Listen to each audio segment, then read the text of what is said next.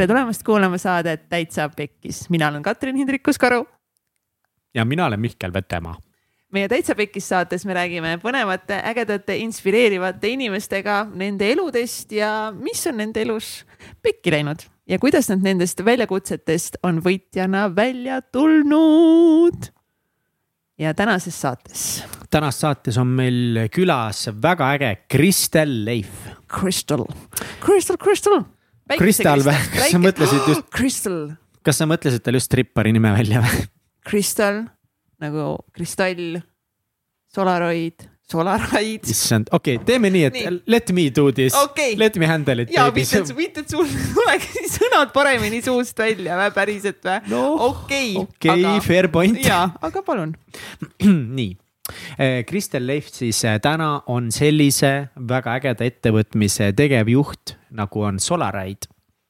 see on eh, tudengite, tudengiorganisatsioon, ettevõte, ta ise saate alguses, me palume tal endal kirjeldada, mida see siis täpselt tähendab ja see on suur ettevõtmine, kus on ligi seitsekümmend ja varsti sada vabatahtlikku, kes siis ehitavad päikeseautot, mis läheb võistlema maailma. Eesti esimest päikeseautot. Eesti esimest päikeseautot, aitäh, väga oluline aspekt mis läheb võistlema maailmal erinevatele võistlustele, suur eesmärk on siis äh, jõuda Austraalias ühele väga suurele võistlusele, kus üle maailma kõige kuulsamad ülikoolid siis võistlevad oma päikeseautodega erinevates kategooriates jah, aga selle laiem eesmärk on anda teadus- ja haridustegevusele praktiline väljund ja luua Eestis taastuvenergia sektoris innovatsiooni.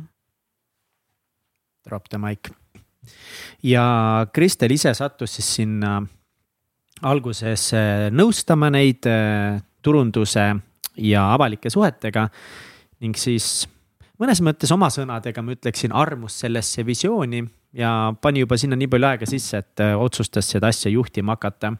aga ta enne seda alustas üldsegi, ta on õppinud Tallinna Ülikoolis äh, ajalugu ja magistris õpet-, õp, õpetas jah, õppis äh, issand jumal, ta õppis Tartu Ülikoolis ajalugu ja Tallinna Ülikoolis õppis organisatsiooni käitumist. ning äh, kümme aastat oma karjäärist on ta töötanud Swedbankist, alustas seal siis nullist maast ja madalast, alustas tellerina.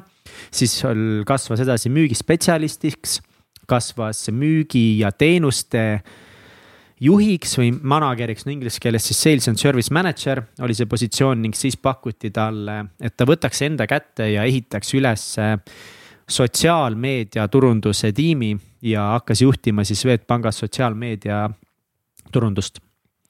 ning väga-väga äh, edukalt ehitas selle ülesse, kuni ta sai siis oma väikse lapsekese, võttis aja maha ja sealt ta sattuski äh, Solaride'i.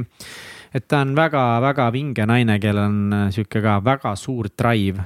väga suur väga lahe oli temaga, nii et äh, enne seda, kui laseme teid seda mõnusat saadet nautima, siis nagu ikka, kui teile meeldib see, mis me teeme, kui sulle meeldib minu mahe, aga samas veits kriiskav hääl, siis toeta meid Patreonis, see on parim viis meile kuidagi õlga alla panna, kui sul on sihuke tunne. seda saab siis teha patreon.com kaldkriips täitsa pekkis. ja mine täiega toeta meie tegemisi ja jälgi meid sotsiaalmeedias, kindlasti pane like meile Facebooki ja Instagrami ja miks mitte follow ka Spotify's või Apple podcast'is, kus sa meid kuulad, siis kohe saad endale ting, kui tuleb uus hea saade välja ja, ja jaga seda saadet oma ühe sõbraga vähemalt, kui mitte terve Instagrami ja Facebookiga, kes on tegelikult sinu saadavuses, onju, onju, nii. ja siis jaga meiega tagasisidet selle saate kohta või mõne teise saate kohta, mis puudutas, mis mitte, kas üldse meeldis, üldse ei meeldinud. ja keda sa sooviksid saates kuulata või mis teemasid sa näiteks sooviksid, et me rohkem kajastaksime? Why not? pane kirjad teele, ütleme nii, või videod veel parem, voice message'id, love it mm. -hmm. video oleks nagu the best kõige, kõige no kõige nagu bare miinimum ehk siis miinimum on, miinimumrutiin on see, et sa kirjutad. siis on see, et okei okay,, saada äh, voice mis on next level juba, jah. ja, aga kõige lahendus on sellised video lihtsalt. lihtsalt kritiseerid näiteks mingi viis minti jutti, I love it mina arvan just, et kiida meid, onju, kui vihked tahavad saada kriitikat, siis mina see, palun tunnustage meid. tunnustage, kui lahedad me oleme, kui toredad, kui palju väärtust me oleme sulle andnud, sest see on tegelikult see, mis meid äh, drive ib edasi, vähemalt mind. no tegelikult mind ka. no täpselt, nii et tulge tehke pai täiega meile aga head kuulamist. joo, Kristel. no joo me paneme aknaga kinni või? Äh, meie esimene küsimus täna saatekülalisel on see, et kas me paneme akna kinni? nii rasked otsused kohe alguses no,. Triin okay. pani juba akna kinni, vaata et. ei lasta otsustada. Triin on naine, kes teeb otsuseid okay.. me saame alati ka akna lahti teha, kusjuures see on imeline võimalus meie saates on see, et me võime aknaid lahti teha vahepeal. võib-olla hakkab vinisema ka muidugi. ja me mõtlesime Katsiga, et me peame ikkagi laskma sul sinu enda sõnadega seletada, mis asi on Solaride. mis see endast kujutab, mis asi see organisatsioon on ja mis sa seal teed? okei okay,, okei okay,, okei okay,, okei, see on äh, kohe mõnus sihuke puraks siia algusesse. Solaride täna on interdistsiplinaarne haridusprojekt. ja alustasime sellest, et võiks ehitada ühe päikeseauto, autoprojekt nagu autoprojekt ikka.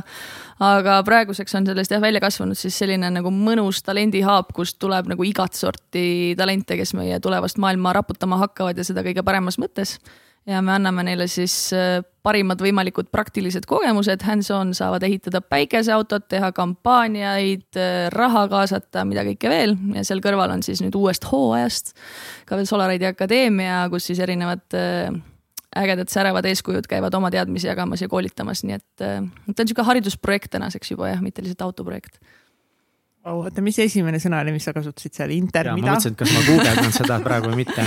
interdistsiplinaarne tähendab seda, et kui klassikaliselt siuksed auto või tehnikaprojektid on nagu väga inseneride kesksed, siis meie projektis on äh, inimesi rohkem kui kaheteistkümnest erinevast koolist on äh, biolooge, on riigiteadlasi, on disainereid, on insenere, on no jumal teab keda, ehk siis erinevad erialad ja, ja suunad saavad kokku ja nad õpivad päriselt koos töötama, mitte lihtsalt äh, koos inseneridega pusima või koos turundajatega ainult nagu ideid pilduma, vaid, vaid ka teineteisest aru saama ja suhtlema ja ma ütleks, see on võib-olla vaata, et see kõige suurem väljakutse, et inimesed koos töötada oskaks. Äh, sellistele eesti keele geeniustele nagu mina, ma siis jagan teile ka siit tekist eesti keele seletavast sõnaraamatust ka siis äh, ma ei tea, mis see sõna on nüüd, mõiste või? issand jumal, guugeldame kõigepealt seda ja siis ma niimoodi.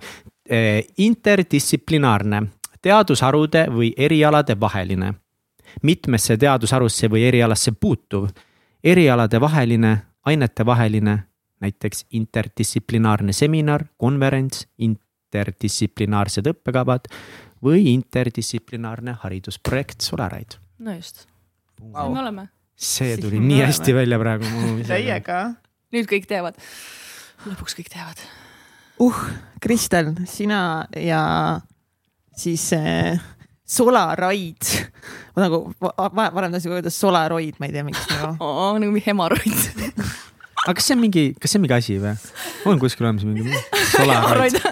hemoroid küll, seda me ei pea hakkama guugeldama, ma olen teinud seda see on mingi päriselt mingi asi. see on sealt hemoroidi projektist, nüüd mul hakkab edaspidi. ei, Solaroid, see oleks nagu mingi toode või bränd, nii tuttavalt kõlab, ei tea, okei okay.. no ei tea, meil on iseenesest muidu üks patendivaidlus juba kaelas, nii et me siin täitsa juristidega juba lahendame küsimusi ka, et me oleme juba nii nagu kõva bränd, et juba meid siin suured ettevõtted juba kaebavad. väga põnev teema juba, kellelt te siis varastasite selle nime ära? räägi välja räägi välja. Solaraid ei ole olemas, aga on üks teine sarnase tüvega ettevõte, mis. aga kus on Solar sees või? no kinda jah ja wow. siis nad tahavad ära patenteerida ja, ja kõik ära keelata meil mingisuguste nimetüvede kasutamisega, me vist hakkame kokkuleppele praegu jõudma, nii et. kaua see? kes nüüd on või yeah.? no mingi aasta. kas oli vahepeal tunne, et eh, peab rebrand ima ja uued eh, Ei. nimed ja kõik või mm -mm.? tundsid, et sul on ikka õigus? muidugi. no see oli nii ajuvaba lihtsalt, et nagu milleks, aga noh, see on selles mõttes tavapärane praktika, et, et suured teevadki selliseid asju, kui kuskil midagi sarnast natuke on, nad üritavad kohe saada kõik. ära ilmutada nagu jah. omale ja mm.. nii et jah. Kristjan on juba harjunud siukeste asjadega. mis sa. kohtu case'id, mingid kaebused, mingid asjad nagu lebod mis, mis asi? mis sa hakkasid muidu küsima selle, et, et alguses sa taht, tahtsid öelda selle sorel? tahtsin kohe võib-olla jõuda nagu sinna, et, et kuidas sa, kuidas sa siis sattusid siis selle Solaride'i projektiga kuidas sina ja Solarid kokku said? noh, oli nii, tegelikult kümme aastat olin Swedbankis, siis sain lapse, jäin koju, olin aasta aega kodus. Natukene hakkas juba kipitama, siis läksin Tartu Ülikooli kommunikatsiooni erialale neid natukene nõustama, et kuidas neid õppekavasid võiks ümber teha ja siis kuidagi sealtkaudu jõudis Priit Salumaa sinna Tartu Ülikooli juurde ja kutsus mind turundusmentoriks esimese hooga. et ma siis paneks kokku turundustiimi tudengitest ja toetaks neid siis, kuidas turundust teha, kuidas bränd luua ja nii edasi ja siis esimesed pool aastat äh, ma olin selles rollis ja siis ühel hetkel, kui see organisatsioon oli juba sihuke mingi neli-viis kuud ilma juhita lihtsalt kulgenud kuskil Elumere lainetel, et siis, äh, siis tundus, et äkki ma võiks siis kogu asja vedada. aga kas see oli kohe selline projekt, mis sul lõi nagu silmad särama ja sa olid mingi davai, see on nagu juba alguses midagi nagu suurt või see oli teistpidi, tundub nagu lahe, et okei okay,, et ma mentordan nende. tegelikult see oli nii, et nagu äh, kui see jutt tuli, siis ma mingi, mis asi see on, ma ei tea mitte midagi päikeseautodes, mul pole kunagi oma autot olnud. nagu mingi tehnoloogiaprojekt, mis asja, minu kõige lähem kokkupuude tehnoloogiaga oli, ma ei tea, Swedbanki äh, mobiiliäpi lansseerimine enam-vähem või sellele mingite kampaaniate tegemine ja ma ikka hästi-hästi pikalt kahtlesin, et kas mul on sinna asja, kas ma midagi oskan üldse seal nõu anda, siis mõtlesin, nojah, et praegu on võib-olla hea hetk, et seda mingit kannapööret teha ja minna õppida, et kuna see asi on nii algusjärgus ka, et äh, fake it till you make it ja siiamaani töötab. midagi väga persi ei saa ka keerata, kui selles alguses on. jah, siis veel ei saanud jah aga noh, see on põhiline asi nagu tegelikult, äh, kuidas ka tudengid, nad kardavad tulla sellesse projekti, sest nad ei tea sellest valdkonnast midagi. mis siis, et tegelikult on jumala võimekad ja andekad, et nad lihtsalt kardavad seda sõna tehnoloogia sealjuures ja ma olen ise jumala hea näide sellest, et äh, tuleb lihtsalt proovida. aga sina siis ei kartnud seda sõna tehnoloogia? ma kartsin alguses, ma tükk aega pabistasin ja pidurdasin seal, et ja ma lõpuks mõtlesin, et vahet ei ole. saan alati ära tulla, kui ma hakkama ei saa.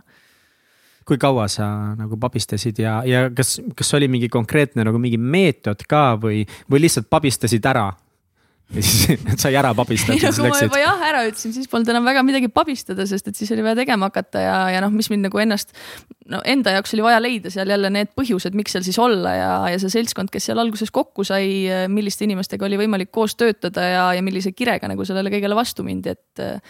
et see kaalus nagu tugevalt üles selle, et ma ei ole päris kindel, mis ma tegema hakkan siin kas sulle alguses kohe, pea selle teemal rääkima, aga kas see oli kohe alguses veider, et ettevõttel või tegemisel, organisatsioonil, liikumisel, asjal pole juhti? sa mainisid, et kuna seal juhti oled, siis sa lõpuks võtsid selle juhi rolli üle, mis värk sellega oli? no alguses oli, et äh, needsamad kaks tudengit, kes äh, selle ideega üldse oma professori juurde läksid, et tahaks midagi ehitada, siis sealt pidi välja kasvama ka selle projekti juht, aga ühel hetkel ta läks oma teed ja, ja siis oligi tükk aega sellist olukorda, kus me üritasime ühest tudengist selle organisatsiooni juhti teha.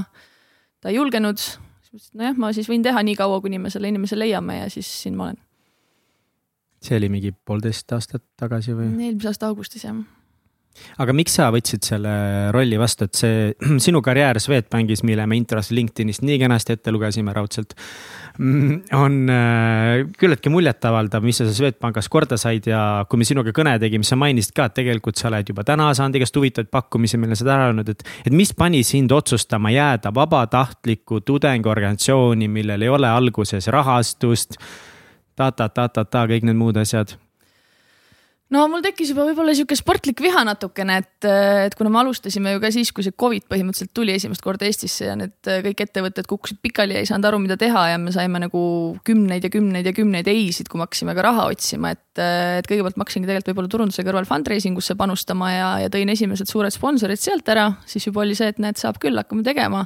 siis oli juba kuidagi kahju jätta seda kuskile ripakile, et, et nagu selline kui keegi ütleb, et ei saa, siis mul hakkab kohe nagu mingi davai, saab küll. ja ma arvan, et see oli enam-vähem sama, et mm. äh, sihuke vastuvoolu ujumine võib-olla kuidagi on asi, mis mind käivitab see on sinu elus üldse see, see nagu sihuke tendents või et, et ma saan, ma saan aru, et sa ei, ei, ei, ole turundust õppinud, sa oled tegelikult ju ajalugu üldse õppinud, on ju. ja siis sa läksid Swedbanka tööle ja sa, sa ise siis õppisid turundust ja sinust äh, sai seal äh, sotsiaalmeedia, mis juht, turundusjuht. Äh, ja siis, siis sa läksid tehnoloogiasse, sa ei teadnud sellest mitte midagi, noh, nüüd sa kindlasti tead juba palju-palju-palju rohkem, on ju. et kas ongi sul elus niimoodi, et sa ei tea midagi, aga siis pühendad palju aega sellele, et saada teadlikuks, kui sulle midagi nagu väga meeldib? jah, ma arvan, et nii on jah, sest äh, kui midagi teha, siis ma tahaks täiega teha ja selleks, et täiega teha, siis pead aru saama ka, mida teha, et niisama kulgeda ma ei viitsiks ja, ja kui tundub, et see pole õige asi, siis ma lähen teen kuskil mujal midagi muud täiega, et siiamaani veel Solaridis saab ikka nagu täiega, täiega teha. aga haridust ju neid, võtame Swedbanka näite, et sul turundusalast ju haridust ei olnud ja kuidas sa siis niimoodi ennast seal üles töötasid? no see oli see aeg, äh, ma isegi ei mäleta, mis aasta see oli, kui, äh, kui Swedbank selle positsiooni lõi polnud üldse mingit sotsmeedia inimest äh, sellisel kujul kuskil ettevõtetes väga, et äh, tekkiski Swedi ja tekkis Teliasse siis äh, sotsiaalmeedia juhi positsioon, siis me Tõniga koos hakkasime mõtlema, et noh, mis teeb siis. et ega neid ka mingeid sotsmeedia spetsialiste kuskil agentuurides ja kuskil nagu liiga palju neid inimesi ei olnud ja siis noh, kui ma mõtlen esimene aasta Swedi mingeid sotsmeedia postitusi praegu vaatad, see on nagu oh my god aga, aga nagu äge on see, kui sul lastakse teha ja kuna ei olnud selles organisatsioonis kahe tuhande viiesaja inimese seas ka väga kedagi, kes oleks teadnud, kuidas seda teha, et siis äh, nad ilmselt siis uskusid, et ma mõjun sellest välja ja mõtlen midagi välja ja miks? nad usaldasid mind piisavalt. miks nad just sind usaldasid, miks nad sulle selle võimaluse andsid?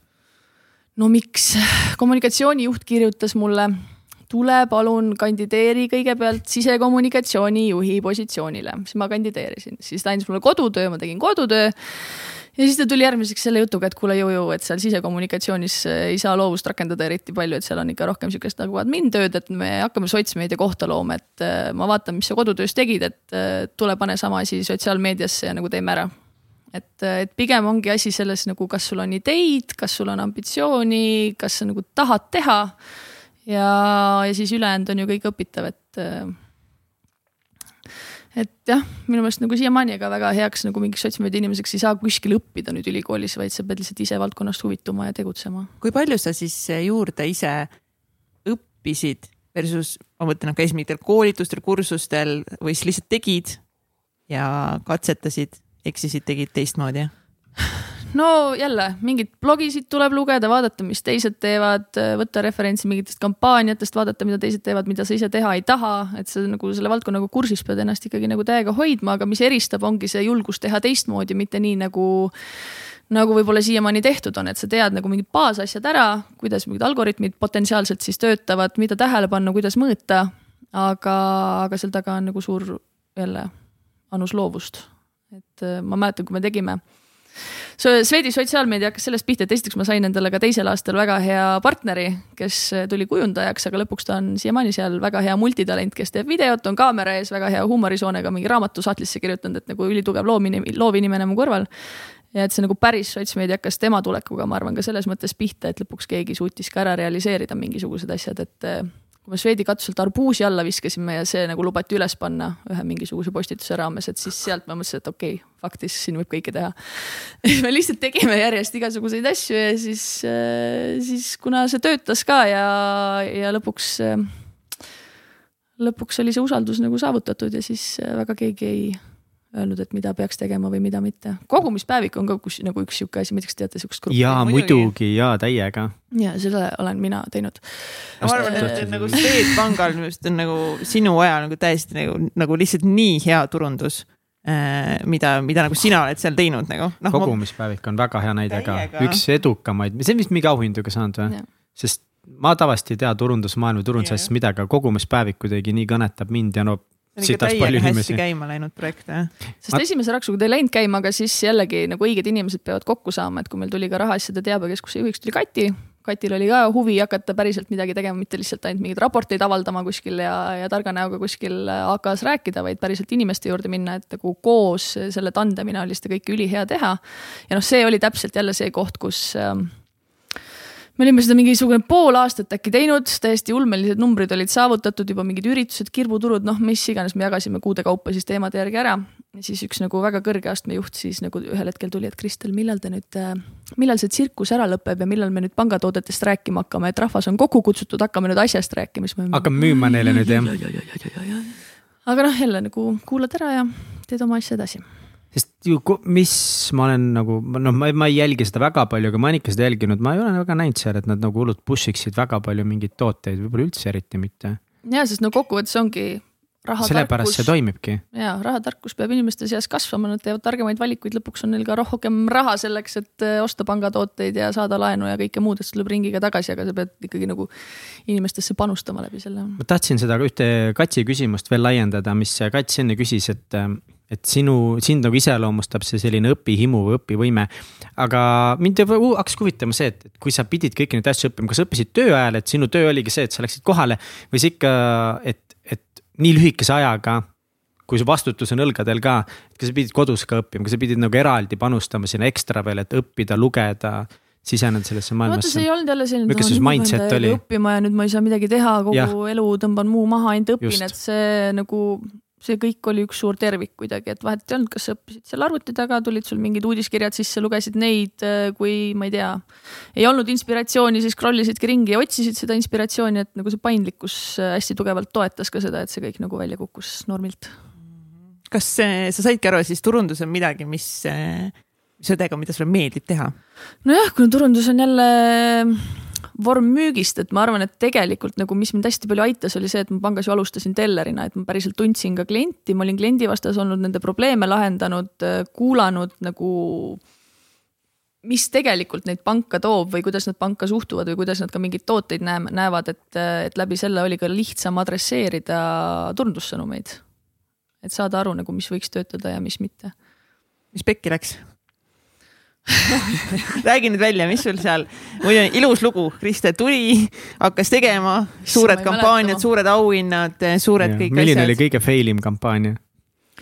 jumal, ma ei mäleta, ma arvan, et mingid siuksed väiksed, mingid mõttetud asjad, mis lihtsalt nagu, mis minu arust kõige parem taipamine tegelikult oli see, et turundus, kui sa mõtled ühe kalendriaasta peale, siis sul on aasta jooksul võib-olla nagu mingi heal juhul kaks-kolm mingit suurt ägedat asja, highlight'i, ülejäänud on sihuke nagu lihtsalt nagu teed mingeid asju ja siis nagu mõtled, ma ei ole midagi väärt ja nagu on jumala mõttetud asjad ja nagu appi teised teevad kõik paremini, aga siis sa teed paar asja ära ja siis sa saad aru, et okei okay,, tegelikult sellepärast me vahepeal nagu tõmbamegi hinge, et me suudaks neid suuri asju hästi teha. aga ma ei tea, kas noh, see pole võib-olla otseselt minu pekkiminek, aga, aga nagu kõige ägedam mingi sihuke kriisikommunikatsiooni kogemus panga ajast, ma ei tea, kas te mäletate sellist asja nagu oli üks Räpina ATM, pangaautomaat ei mäleta, jep, kus tõsteti ümber äh, pangaautomaat äh, teise kohta, aga ei, no täiesti mingi inimlik viga oli seal kuskil taga, et pandi nii kõrgele, et inimesed ei ulatanud selle. seal oli pilt vanatädist, kes ei ulatanud vajutada nuppu. ja, ja siis Swedbank ja, ja igast nagu põnevad asjad juhtusid uh., see oli nagu hästi-hästi huvitav ja naljakas periood, et kuidas see olukord siis ära lahendada ja nagu sotsmeedial oli selles hästi suur roll, kus noh jällegi võib-olla tavapärane on see, et sa lähed selle ettevõtte alt, kommenteerid või annad välja mingid ametlikud sõnumid, aga see olukord nõudis täpselt seda, et mina, Kristel Leif, läksin mingitesse gruppidesse, läksin mingite postituste alla täiesti nagu enda nimega. sest ma tõin nagu inimlikkuse mängu, et mitte anonüümne Rootsi pank ei räägi sinuga aga see oli nagu Kristel Leif, Swedbanka ei, turund- ma ütlesin, kes ma olen, et. Aa, lihtsalt mõtlen, kuidas nad teavad. Mhm. Swedi sotsmeediat, et siis äh, ma ei tea. Ja ei kirjuta mingi pean vajalikuks kommenteerida, lisada pangapoolne vaade mm. -hmm. vaid, vaid kirjutasidki nii, nagu inimesed suhtlevad ja räägivad ja, ja lõpuks nagu noh, minu jaoks kõige suurem võit sealjuures oligi see, kus äh, see asi hakkas juba nagu vaibuma, aga mingid tüübid ikka panid hagu alla kogu aeg, et nagu Ketan, teeme veel ühe pildi, no saadame selle tädi veel uuesti sinna. et võimendame veel seda, sest et nagu Räpina saab järsku nii palju tähelepanu ja siis, siis lõpuks oli see, et nagu klient, kliendid ise hakkasid meid kaitsma või ütlesid nagu, et mida te veel tahate, nad on kõik teinud, nad on nii inimlikult kommunikeerinud ja kõigi jaoks olemas olnud, probleemi ära lahendanud ja siis. ja siis lõpuks see vaibuski tänu sellele, et inimesed, aga see kui kiiresti see masin allapoole tõsteti? no seal oli igasuguseid kommunikatsiooni erroreid selles mõttes, et nagu miks ei saanud, siis noh tihti on ka panga puhul ju see, et sa ei saa kõigest rääkida, sa ei saa ja. rääkida, mis on mingisugused äh, vallavalitsuse teemad ja kuidas on mingi poliitika seal taga ja sa ei saa nagu öelda, et noh, nemad on jobud, sellepärast ei tehtud, et alati on pank süüdi. kui mingid asjad on tegemata, mis siis, et seal taga on mingid muud mehhanismid ka. et jah, see tegid teie automaat nagu, teie just, süü. just, et, et kõik ei läinud ladusalt, aga lõpuks ta nagu äh, vaibus ilusti ja, ja ma arvan, see oli päris hea õppetund. oluline on küsida, kas äh, Räpina tädid praegu saavad Swedbanki automaati kasutada? ma ei ole üldse kursis, aga ma eeldan, et jah sa tõid väga hea te Swedbank. teema vahepeal, selle võrdluse teema peale, kui palju sina turundajana võrdlesid eh, nagu siis enda turundust teiste organisatsioonide mingi väga heade kampaaniatega ja kui palju see sind nagu puudutas ja närvi ajas? No alustame sellest, lugupeetud SEB kuulajad. kui ma sellesse rolli läksin, siis äh, ma mäletan Swedi mm, Facebookil oli mingi kaksteist tuhat või kümme tuhat jälgijat, samal ajal SEB-l oli nelikümmend tuhat, siis ma mingi, mis asja, kuidas see võimalik on, et kuidas me jõuame kunagi nii kaugele, me oleme kõige suurem pank, me peame olema kõige suurema jälgijaskonnaga, mitte et see enam mingit rolli mängiks. aga noh, see oli jälle üks asi, millega sa hakkasid tööle puhtalt sellepärast, et nagu me peame kõige suuremad olema, tegid selle ära, korras et aga, aga nagu sisu poolest ikka alati tundus, et kui keegi millegi lahedaga tuli, et siis nagu kurat, miks me selle peale ei tulnud, miks me ei teinud ja, ja nagu see on, ma arvan äh, see on ka praegu Solaride'iga kohati nii, et, et sa kogu aeg ikkagi nagu vaatad, et teised teevad. ja siis jälle tuletad endale meelde, aga vaata, mida me teinud oleme, et tegelikult meil on suures pildis ikkagi nagu võib-olla paremini. või et me oleme teinud lahedamaid asju, et tegelikult nagu see endale õlale patsutamine vahepeal, mitte ainult see, et äh, on vaja teha teistest paremini või on teha veel paremini, et äh, ma arvan, see on ka, miks ma olen võib-olla juhina sihuke nuhtlus. Et äh, eile just kuulsime ema juures see mingisugune, mis Kanal kahe mingi saade on, see Mari Karell, äh, seal, äh, kes see rääkis jälle, Mari-Liis Lilleki. Äh, et on see mingi hea tüdruku sündroom, miks ta läbi põles, et ta tahab alati olla see hea laps või hea tüdruk, kes, kes teeb kõiki asju kõige paremini. Ja mul on, ma nagu kuidagi relate isin sellega, et ma tahan ka alati teha nagu super hästi või nagu, kui saab paremini, siis teeme paremini, on ju, ja nagu veel, veel. sest alati saab ju paremini teha, kogu aeg konstantselt. nagu noh, viima-, lihtsalt viimastel aastatel ma nagu olen õppinud seda kõrvalt nagu märkama ja jälgima ja siis tõmbad ennast ise jälle tagasi, sest äh, eriti tudengitega töötades mul läheb vahel meelest ära see, et need ei ole siin kõik professionaalid koos, kes peaksid nagu suutma kohe lennult nagu ülihästi ja, ja kõiki suuri, suure pildi detaile näha, et. et selles mõttes see õpetab mind ennast just praegu, miks mul tudengitega meeldib töötada, et. siin on väga palju häid teemasid, kuhu siit minna saab juba, aga räägi natukese enne sissejuhatavalt, kui me saame minna siin. kuidas siis juhtida ja mis on need probleemid ja kirjelda oma üldse seda meeskonda, milline näeb Solaridi meeskond praegu välja oh.? Praegu versus kaheksandal novembril. praegu on meil viimase või hooaja esimese hooaja lõpp, meeskond on Marokos, esmaspäeval jõudsid Marokosse, kakskümmend viis inimest on seal ja mõned on veel siin. aga kaheksandal novembril siis alustab äh, uue hooaja tiim, kus on suurusjärk sada inimest ja, ja me siis simuleerime üht keskmise suurusega ettevõtet, suhtume kõigesse, mis me teeme nagu ühe ettevõtte juhtimisse ja tegutsemisesse, et ähm, meil on viis valdkonda, on inseneeria, mille all on siis mehaanika, elektroonika, tarkvara, on logistika, on fundraising ja partnersuhted ja finants ja siis on veel turundus kõikide oma vormidega ja siis on personal. Ehk siis nagu sihuke klassikaline struktuur, lihtsalt me oleme nagu sealjuures flat im, sest et nagu suhted jooksevad ka paralleelselt. Et nagu hästi suur punt, keda hallata ja sealjuures nagu väga vähesed neist on nagu töö mõistes pika professionaalse karjääriga, vaid enamik neist on tudengid. kui vanad nad siis keskeltläbi on, kas on tudengid ja seal on gümnasiste ka? Äh, esimene hooaeg kaks gümnasisti oli ka okay.. või noh, praegu siiamaani on. et siis ja... on ikkagi, kõik on tudengid põhimõtteliselt? no meil on mõned siuksed nagu asjaarmastajad ikkagi ka, et, et keda see projekt kõnetab ja kes nagu oma põhitöö kõrvalt teevad ka, aga, aga no valdav osa on tudengid jah ehk siis eh, nad ei saa palka selle eest, mis nad teevad seal? ai. ai kindel ei. kui paljud, kas sa oled sina ainuke, kes, eh, kes seda teeb seda nagu saab täiskohaga raha, raha selle eest vastu või? no mina olen alates septembrist olen nüüd täiskohaga jah, nüüd ühe kuu olen palka saanud ainult ühe kuu või? issand jumal. veel ei tea, kas järgmine kuu ka saan, sest et rahad on otsas nagu ma just nagu startup ides ja üldse alustada ettevõttes ka, et tegelikult nagu see palgad, see on nii keeruline, seda nagu raha on raske leida, aga see on kõige tähtsam asi, nagu juhid peavad selle eest raha saama, sest mul on nagu tunne, et sul on miljon probleemi ja kui sul on see probleem ka, et sa ei saa üüri maksta või nagu toitu osta piisavalt või noh, ma ei ütle, et sul see probleem tingimata on, aga lihtsalt, et. et see mindset nagu kuidagi on nii oluline, et sul on enda need baasvajadused kaetud, sest see energia panus ja murede koorem nagu metsik. ma hästi pikalt nagu tundsin mingit valehäbi selle pärast või pabistasin selle pärast, et noh, et see on vabatahtlik organisatsioon, kõik on siin mhm. vabatahtlikult mm, -hmm. on ju, mingi aeg ma elasingi siis veel sellest ema palgast mm. -hmm. mingi aeg ma olin poole kohaga siis veel Tartu Ülikooli palgal ja siis äh, ühel hetkel üks äh,, üks minu suur eeskuju äh, äh, Elis Tootsmann, kes tegutseb ka kommunikatsiooni valdkonnas ütles, et Kristel, kurat, sa pead omale palka küsima, keegi teine sulle seda palka ei anna. Ja ta nagu rääkis väga hull mingi motivational speech oli sellest, sellel teemal nagu täiesti tühja koha pealt. Ja siis mõtlesin, et nagu vist tegelikult ongi nii, et ma pean lõpuks nagu selle valehäbi alla neelama, sest äh, okei okay,, oleks ma esimesel kursusel, ma kuidagi skeemitaks ära, ma suutsin ka elada ilma väga tööl käimata selles vanuses ja teha väga palju asju, et aga nüüd ma olen juba vana inimene, mul on pere, mul on kohustused, et äh, et ühesõnaga ma lõpuks lõin siis jah rinna kummi ja ütlesin, et, äh, et ma saan sellega jätkata ainult juhul, kui mul äh, on see täiskohaga töö, sest muidu see organisatsioon ei täida ka oma eesmärke ja. aga samas siis kohe, kohe sinu enda ülesanne oli leida endale see palk. kui kõik olid nõus, et sa oled nagu jah, et sa võid palka saada, aga siis sa pidid ise selle raha leidma, ma saan aru. kus sa leidsid raha?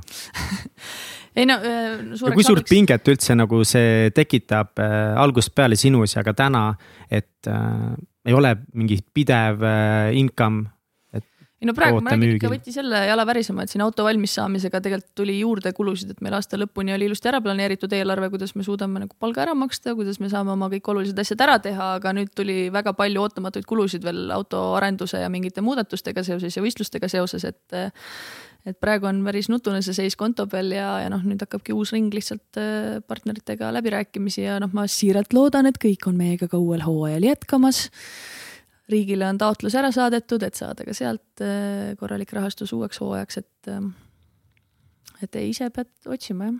miks keegi peaks rahastama seda projekti? ma ei tea, interdistsiplinaarne haridusprojekt no ma arvan, et kõik, kes vähegi nagu päriselt saavad aru, mida Solarite teeb või mis vibe siin on või mis need inimesed siin on ja mida nad siin tegelikult kogevad ja õpivad, et siis äh, ma arvan, see ei tohiks kelleski küsimusi tekitada, sest äh, sest selliseid noori on vaja ükskõik mis sektorist, me küll räägime jah, peaasjalikult tehnoloogiasektorist, aga, aga igal pool on vaja inimesi, kes tahaks teha enamat, kui neilt oodatakse, kes ise võtaks äh, oma elu enda kätte ja, ja sealjuures tegelikult nagu saaks aru nii sellisest nagu reaal- kui, kui sotsiaalsuuna teemadest ja suudaks suhelda, suudaks ennast hoida, et need on kõik nagu peatükid, millega me tegeleme, et äh, väga suur taipamine oligi seoses just selle tasakaalu ja läbipõlemise ja ka vaimse tervisega just noorte kontekstis eriti et kui palju kogu see koroonaaeg ja, ja see periood nagu on noorte vaimset tervist mõjutanud. et kahekümne kahe aastane, ma olen kaks korda läbi põlenud, see on ok. Kahekümne kahe aastaselt nagu vast jess, illukas saab täna tasuta sisse. Ja oh my god ja, ja, ja, ja, ja kindlalt olid need, need nagu need mured. et täna ei saagi tasuta et jah, ei ma ei tea, ma arvan, et äh, peaks muidugi toetama, sest et see on täiesti uudne õppevorm ja, ja meil on kõikvõimalikud partnerid äh, ju kaasatud, on ülikoolid, me ei vastanda ennast nagu akadeemilisele haridusele, vaid, äh, vaid me üritame leida seda teed, kuidas siis parandada mingisuguseid kitsaskohti praegu. kui kaua sa siis, oota, kaua sa oled olnud seal Saare-Eidis nüüd, kaks aastat või? varsti jah. kaks aastat ja enne seda sa olid ikkagi täiesti nagu vabatahtlikuna seal no kaks aastat ma olen nüüd nagu vabatahtlikuna olnud. ja kuu aega palka saanud? kuu aega olen palka saanud. okei okay. sul peab ikka väga suur tahe ja missioon olema nojah, vaata seal nagu mingi hügieenifaktor pidigi täidetud olema, et kuhugi maani mul oli olemas emapalk, mis lasi mul seda teha, siis äh, mingitel hetkedel ma ka olin osaliselt Tartu Ülikooli juures, et mul nagu mingi sissetulek ikkagi oli, aga ma ühel hetkel lihtsalt pidin nagu neile ära ütlema, et ma tegelikult ei suuda teisse panustada, kui mu süda kuulub Solaride'ile ja, ja lihtsalt nagu palga pärast siin kohal käia ei ole nagu aus teie suhtes ja, ja siis jah. kas sa nüüd tunned, et kuidagi sinu vastutus on nagu kuidagi suurem ka või? või kas, kas on nagu midagi muutunud, et nüüd sa just, justkui oled nagu ametlikult nüüd äh, tegevjuht ja mm? -mm. Ei ole, ma arvan, nagu see raha on lihtsalt nagu see, et ma saaksin seda edasi teha, selleks on see vajalik, aga see, ma arvan, minu motivatsioonis või panuses midagi küll ei muuda. aga see vastutuse küsimus iseenesest sinu hinges on väga suur. tõsi räägi, räägi, kui, kui tugevalt sa siis kannad seda vastutust ja hirmu selles, et kõik oleks ikka tehtud ja keegi ei pettuks ja. no ja noh, vaat ma nagu erineva astme juht olnud varasemalt ka, aga ikkagi on see mingi üks valdkond justkui olnud, et kas sa vead valdkonda või sa vastutad mingi tiimi eest või, või nagu nüüd, kui sul on siin viis valdkonda, sul on sponsorite raha mis ka, neil on kõigil oma mingisugused ootused selle projektiga seoses, siis on see meie enda visioon, mida me tahame ellu viia, siis et need tudengid tunneksid ennast seal hästi, et nad päriselt saaksid kõiki neid asju, mida me oleme nagu välja lubanud või tahame saavutada ja, ja need kõik asjad ei juhtu ka üleöö. et siis on jaa, ja siis üritadki nagu igal pool kuidagi abiks olla ja kõiki valdkondi arendada, et, et magada on ikka olnud vahepeal raske, aga noh, ma arvan, nagu väga õige samm oligi see, et et kevadel me siis, kui moodustasime nagu päriselt juhatuse, kus mul on kõikide valdkondade juhid ja nende vastutus ja roll ja teadlik nagu arendamine ja kaasamine on, ma arvan, teinud seda asja ikkagi lihtsamaks, et lõpuni ei jõua üksi seda koormat kanda. kui tõsiselt äh, tudengid ise võtavad seda äh, olemist äh, seal mm,? ma arvan, see sõltub jälle väga palju juhtimisest, et kuidas nende tiim konkreetselt parasjagu on ka või kui hästi nad saavad aru sellest nagu üldisest missioonist, et mida Solaride üleüldse taotleb, mida nad siit päriselt saavad. ja, ja kui nagu mõnusalt nad ennast ka siin tunnevad, et äh, väga palju on ikkagi neid, kes on nagu ihu ja hingega siin ja ütlevad, kui saaks veel raha ka, siis ei peaks midagi muud tegema, et tahakski ainult siin olla. aga, aga palju on olnud nagu hooaja jooksul ikkagi ka neid, kes tulevad ja kui avastavad, et on päriselt vaja tööd ka teha, mitte lihtsalt nagu käia chill imas ja pitsasid söömas, et siis äh, kaovad üsna kiirelt. aga jälle nagu ma ei ütle, et see on üksi tudengite süü, vaid, äh, vaid organisatsioonina me peamegi nagu juba seda ennetama ja toetama neid inimesi, et et kõik saaksid siin hakkama ja kõik paratamatult ei saa ka, et nagu ma ütlesin, et see ei ole Põlvamaa kolmanda liiga kosusats mm. -hmm. ja vot täpselt midagi siukest ütlesid, aga kuidas sa, kuidas sa endale nagu, kuidas suhestud sellega, et, et äh, need on vabatahtlikud, nad on noored inimesed, aga samas te võistlete maailma tasemel võistlusel. Sorry, ma nüüd siin mingit ongi, ongi, te olete maailma tasemel võistlusel. kas need, kelled vastu võistlete, on need samamoodi vabatahtlike tudengite tiimid, on seal mingid rahastatud, suuremalt rahastatud tiime? väga no, lühidalt. meie see suur eesmärk on siis minna Austraaliasse kaks tuhat kakskümmend kolm, praegu nad on Marokos, see on pigem selline testvõistlus. aga see Austraalia võistlus, see on nüüd kolmkümmend viis aastat, saab järgmine aasta täis kui see on toimunud ja seal tõesti mingid MIT-d, noh, kõik mingid maailma tippülikoolid on seal koos. ja need on tudengimeeskonnad aga noh, nende aastad või nagu hooajad näevad tihtipeale välja sellised, et neile antakse vaheaasta selleks, et nad saaksid keskenduda projektile, nad vabastatakse kogu ülejäänud õppetööst selleks, et nad saaksid seda autot arendada ja nagu tegeledagi ainult sellega. Mm, seal on ülikoolide sponsorlus on nagu sadades tuhandetes, pluss selja taga on suured autotootjad, et me oleme ikka nagu täielik underdog selles mõttes siin, aga me oleme unikaalsed sellepärast, et äh, ülejäänud tiimid on ühe ülikooli projektid, meil on praegu kaheteistkümnest või rohkemast erinevast koolist noori ja see, et me nad kõik kokku toome mm -hmm. ja mhm. koos töötama paneme, et see on äh, miski, mis on nagu no Eesti on muidugi nii väike ka, et yeah, sa no, saadki ühe MIT heal juhul kokku siis, kui sa võtadki siit kõik parimad erinevatest koolidest. ja kus sa siis tõmbad selle tasakaalu juhtimises, et, et võistelda maailma tasemel äh, võist-, tiimidega, sa pead olema maailma tasemel tiim. aga samas, kui sul on vabatahtlikud, kellel on nagu oma elu ka ja siis on, võib-olla ongi see vale häbi, et issand, kuidas ma nõuan nüüd noorelt vabatahtlikult nii palju, kuidas sa sellega rahud, et kuidas sa leiad seda tasakaalu? no see oli seesama viimase hetke taipamine siin seoses selle Põlva satsiga, et, et hiljuti tuli ka üks tagasiside, et te nõuate nii palju ja vabatahtliku meeskonnaga pole sellist kokkupuudet varem olnud, et, et nagu tuleb tasuta järsku nii palju tööd teha ja siis ma olin kohe mingi ja, ja on küll nii jah peab ikka tagasi tõmbama ja andma natukene hingamisruumi, et ei saa ära tappa. ja siis samal õhtul äh, kohe ist, tulin istule voodis, mis asja, nagu mis asja, mis hinge, nagu mis asja, mis hingerahu andma, et jaa, nagu tasakaal ja vaimne tervis ja aja juhtimine, kõik need teemad on nagu olulised, aga, aga Solarit ei olegi seesama kolmanda, vabandust, kõik põlvakad, kes kolmandas liigas. Shout out kõigile põlvakatele ma võib-olla isegi tean sealt mõttekiirust et ega see ei ole see nagu pühapäevaliiga, kus sa käid siis, kui sa aega saad, kui sul midagi muud targemat teha ei ole ja annad ennast ainult siis näole, vaid see on päriselt see noortekoondis, kes lähebki MM-ile ja kes peab trennides kohal käima, kes peab oma nagu mingisuguste tugevuste ja nõrkustega tegelema, neid lihvima selleks, et kogu meeskond koos töötaks ja, ja siis nagu Solaridiga liitudes sul on päriselt ka nagu vastutus ja kohustused, et et sellepärast ta ei olegi lihtsalt vabatahtlik projekt, vaid ta on ikkagi nagu arengu ja haridus talendiprogramm, mis kõik toredad sõnad, et, et sa tuled siia selleks, et ise ka endast midagi anda, selleks, et midagi vastu saada.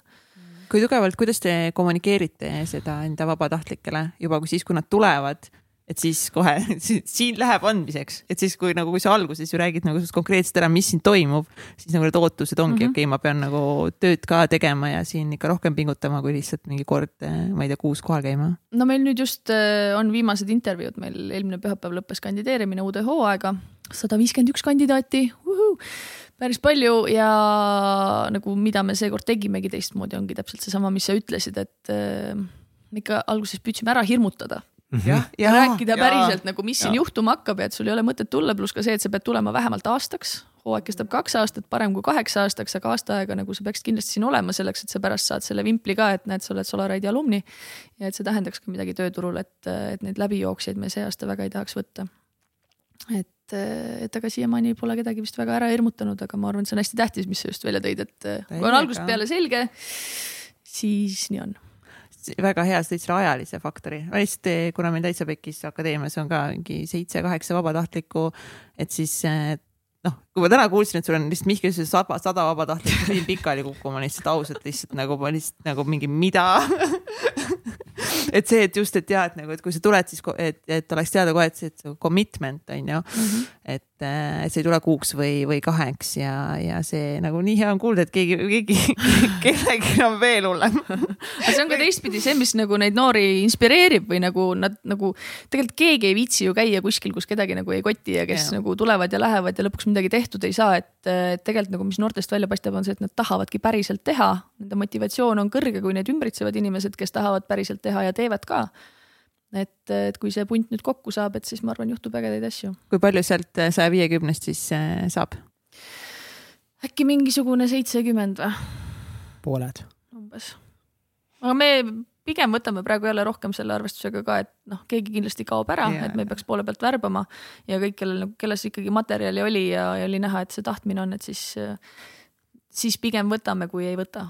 kui palju teil muidu see nii-öelda ajaline panus eeldatav on siis siia projekti? no see on mu lemmikküsimus, millele ma ei oska vastata tavaliselt ma loen ette umbes, et noh, mis on need kohustuslikud asjad, mis meil ühes nädalas on ja mis on kvartalis ja nagu, mis meil toimub enam-vähem mm. -hmm. ja siis eh, meie see nagu mõtteviis algusest peale on see, et under promise over deliver ehk siis nagu võta endale nii palju, kui kanda jaksad, kommunikeeri, kui sul on mingisugused ajad, kus sa pead eemal olema ja pea lihtsalt nagu oma lubadustest kinni ja ja, ja kokkuvõttes ikkagi see ka, et mida rohkem sa ise sisse paned, seda rohkem sa välja võtad täiskohaga töö nagu see ei saa olla ilmselt ajaliselt või on, või mõtlen just tundide mõttes, et nelikümmend tundi nädalas. no mõni paneb mingitel perioodidel, et see ei okay. saa olla järjepidev, et kui me siin praegu ja, tegime näiteks sedasama värbamiskampaaniat, äh, mis meil äh, oli Ära higista, siis äh, sellel perioodil mõned ikka panid hullu. see on, see on väga huvitav, mul on nagu väga suur selline dilemma hetkel siin, et ühtepidi te tahategi, ongi võistelda maailma tasemel anda noortele võimalus kogeda tipptasemel tehnoloogia loomist teatud mõttes ongi midagi väga unikaalset ja vinget ehitada, anda endast kõik, olla kohal, pingutada, panna hullu. aga enne sa mainisid samal ajal noorte läbipõlemine on väga suur, depressioonid, väsimus. kuidas sa saad kahte asja korraga neilt mm. -hmm. õpetada ja mitte selle kahesaja korraga, sorry, ma peangi silmas seda, et õpetada siis neile, ma eeldan, et sa siis pead kuidagi õpetama mingit kultuuri või mingit tööviisi, mis hoiab neid ja samal ajal nõuda neilt hästi palju mm. -hmm. no ma arvan, see on selles mõttes jälle vana tõde, mida, millest on endale ka hästi raske kinni pidada, et kui sa oled tegelikult puhanud, kui sa oma asju planeerid, kui sa mõtled läbi ja prioritiseerid, siis sa tegelikult jõuad väga palju teha. aga need on jälle need kompetentsid, mis tihtipeale on nõrgad, et kõigepealt me alustakski sellest, et me tegeleme nendega. aitame neil üleüldse nagu oma elu ja töölaud läbi mõelda. Shout out äh, produktiivsusklubile. et ah,. Nad on käinud teil ja tulevad appi meile nüüd. väga lahedad tüübid väga lahedad tüübid, lihtsalt praegu note meile, sorry, jah, see on uh. ja, tasub kutsuda mm -hmm. ja kui keegi nende teenuseid kasutab ja praegu siit kuulis, siis mainige sõna Solaride, et siis me saame võib-olla rohkem tasuta koolitusi ka äkki teha kunagi. jah, aga ühesõnaga ja see on, ma arvan, väga õige küsimus, aga see noh, see pole ju päriselt algusest peale nii olnud, et kogu see mingisugune tasakaal ja vaimne tervis, et see oleks teema, sest noh, mina tulin ka ikkagi naiivselt, et noh, tulebki panna ja tuleb täiega panna, aga ma ei olnud veel elus ikka nii kõvasti pannud kui siin praegu, et et, et läbi selle, et sa näed, et tegelikult lõputult ei jõua ja, ja sellega tuleb teadlikult tegeleda, et siis nagu sellest ongi välja kasvanud ka teema uueks hooajaks, kus me peamegi oma tegevusi tasakaalustama ja ongi okei okay puhata vahepeal ja, ja lihtsalt see taandub hästi palju lõpuks kommunikatsioonile sellele teineteise märkamisele, ka normaalse töökoormuse nagu jaotamisele ja kõigele sellele, et, et ei saa teha kogu aeg sadat asja korraga ja täiega. mis see tähendab? siin pole elu sees nii palju saanud panna kui siin Solaride'is. mis, mis, mis see tähendab, nagu räägi, kuidas siis on olnud mingid ekstreemsed sul räägi oma kahte aastat, kuidas sulle mõjunud on oh. räägi nii, nagu päriselt on. jaa issand, ma ei teagi, kust nagu otsast seda nagu lahkama hakata, et äh, et noh, jätkuvalt niikaua, kuni ma ei ole nagu päriselt veel läbi põlenud, on ju, et ma ikka tervise mingisugused hädad oleksid alanud või kuskile haigla, haiglavoodisse jõuda, aga ma tean, et ma olen nagu väga pikka aega kuskil piiri peal kõndinud. sest noh, ongi see, et igal pool, kus käriseb, seal jälle tõttad appi, siin jälle see hea tüdruk minus või tubli tüdruk minus nagu räägib, et, et ma nagu ei taha lasta ka mingitel asjadel lohiseda ja siis ma lähen ise appi, mis on ka juhina võib-olla nagu sihuke viga, et las siis õpivad oma eksimustest. et, et igal pool nagu kogu aeg hands-on, hands-on olla on ikka nagu enesetapp. ja noh, kuna mul on laps ka ja ma olen põhimõtteliselt ikkagi tiimis ainuke sihuke nagu nagu väga tegev liige, kellel on, on laps ja sealjuures väike laps, kahe poole aastane. Et siis nagu selle tasakaalu leidmine ja see ka, et nagu ülejäänud meeskond nagu mõistaks või ise vahepeal kahtled endas, et nagu kas nad ikka nagu saavad aru, et noh, et nagu ma pean ikka nagu kodus ka olema, et ma ei saa nagu ööpäev läbi kuskil garaažis praegu lõpuspordi ajal istuda või kas neile tundub, et ma näed, näed, saan palka ja siis ma nagu ei olegi sama palju tunde praegu garaažis kui insenerid, aga noh, siis jälle tuletad meelde, aga minu töö ei olegi auto ehitamine. jah, ma aitan seda kõike teha, aga nagu minu skill'id ja, ja panus organisatsiooni on kuskil mujal. et ma pean selleks olema värske ja tegelikult nagu kodus ka suutma olla, et, et suuta nagu päriselt seda organisatsiooni edasi viia et sellised nagu diskussioonid endaga on ikkagi nagu pidevalt. ja kuidas see sind mõjutanud on? Need kaks aastat ikkagi nagu just see, et, et äh, sa oled ikka enamus ajast väga hands-on igal pool olnud ei no ma, sa tüürid nüüd sinna, et ma olen ennast ära kaotanud, mis vastab tõele võib-olla. kus see Mihkel nii tüürib niimoodi. võib-olla. Aga no ongi, ma nüüd lõpuks saan nagu väga hästi aru sellest äh, nagu, mis see nagu tippjuhi hullumaja on eriti kui sa oled, kusjuures see on üks asi, millele ma olen nagu väga palju mõelnud, et, et üritatakse väita, et see, et sa oled naine või see, et sul on laps, ei takista sind kuidagi karjääriteel. jah. minu meelest see on loll jutt. Nagu see, ta otseselt ei takista, kõik on võimalik, aga nagu see mõjutab ikkagi sinu elu hoopis teistmoodi, et kui ma oleks praegu, ma ei tea, vabavallaline ilma lasteta, ma saaksin nagu hullu panna. Vabavallaline ilma lasteta. Mees. Ei no miks, kõik praegu, kõik vabad vallalised naised on praegu tagajalgadel lihtsalt, mis asja.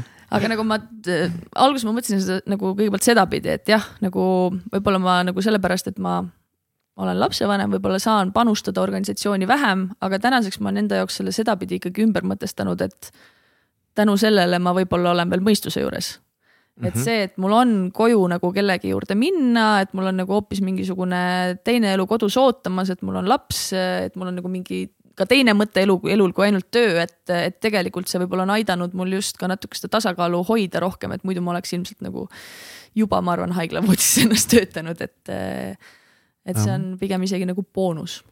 jah, täpselt, see on perspektiivi küsimus, seepärast et äh, kohe lasen sulle siis just öelda, et aga tegelikult see vastab ju tõele, et kui sa võtad äh, naise või mehe täpselt, kes ongi vabavallaline ja tal on seda nagu energiat hetkel on ju, ärme räägi sellest, mis on õige, vale mm. -hmm. ärme räägi sellest, mis selle inimese juhtub viie aasta pärast mm. -hmm. aga kui ta on praegu valmis näiteks tulema, ongi või tem, näiteks tema sinu asemel oleks alguses sattunud sinna Solaroidi ja suudaks ja panna, panebki kaksteist tundi iga päev, nädalavahetus ei ole, persse sõbrad, ema ma ei viitsi näha.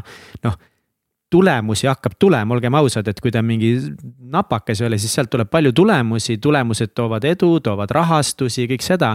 Et, et aga see on see mõtteviisi küsimus on ju, et mis on nende tulemuste taga, et see on väga nagu raske diskussioon, et kuidas seda nagu muuta, sest päeva lõpuks nagu inimesed ikkagi võistlevad päriselus ja, ja tihtipeale nagu mingid väga kõrged juhid või mingid ettevõtted teevad otsuseid nagu noh, võib-olla valedest kohtadest ja kõik selle põhjal, et kuule, mina ei tea, aga tema pani nii palju hullu, sa ei saa nii palju hullu panna, et noh mm., me nagu anname talle raha. just ja noh, jälle see tõehetk ka, et äh, et kokkuvõttes ühel hetkel nagu lõpeb minu jaoks teekond Solaride'is, lõpeb minu aeg nüüd tegelikult aasta lõpus ka Swedbankis, kui mul päriselt ema, emapuhkus läbi saab.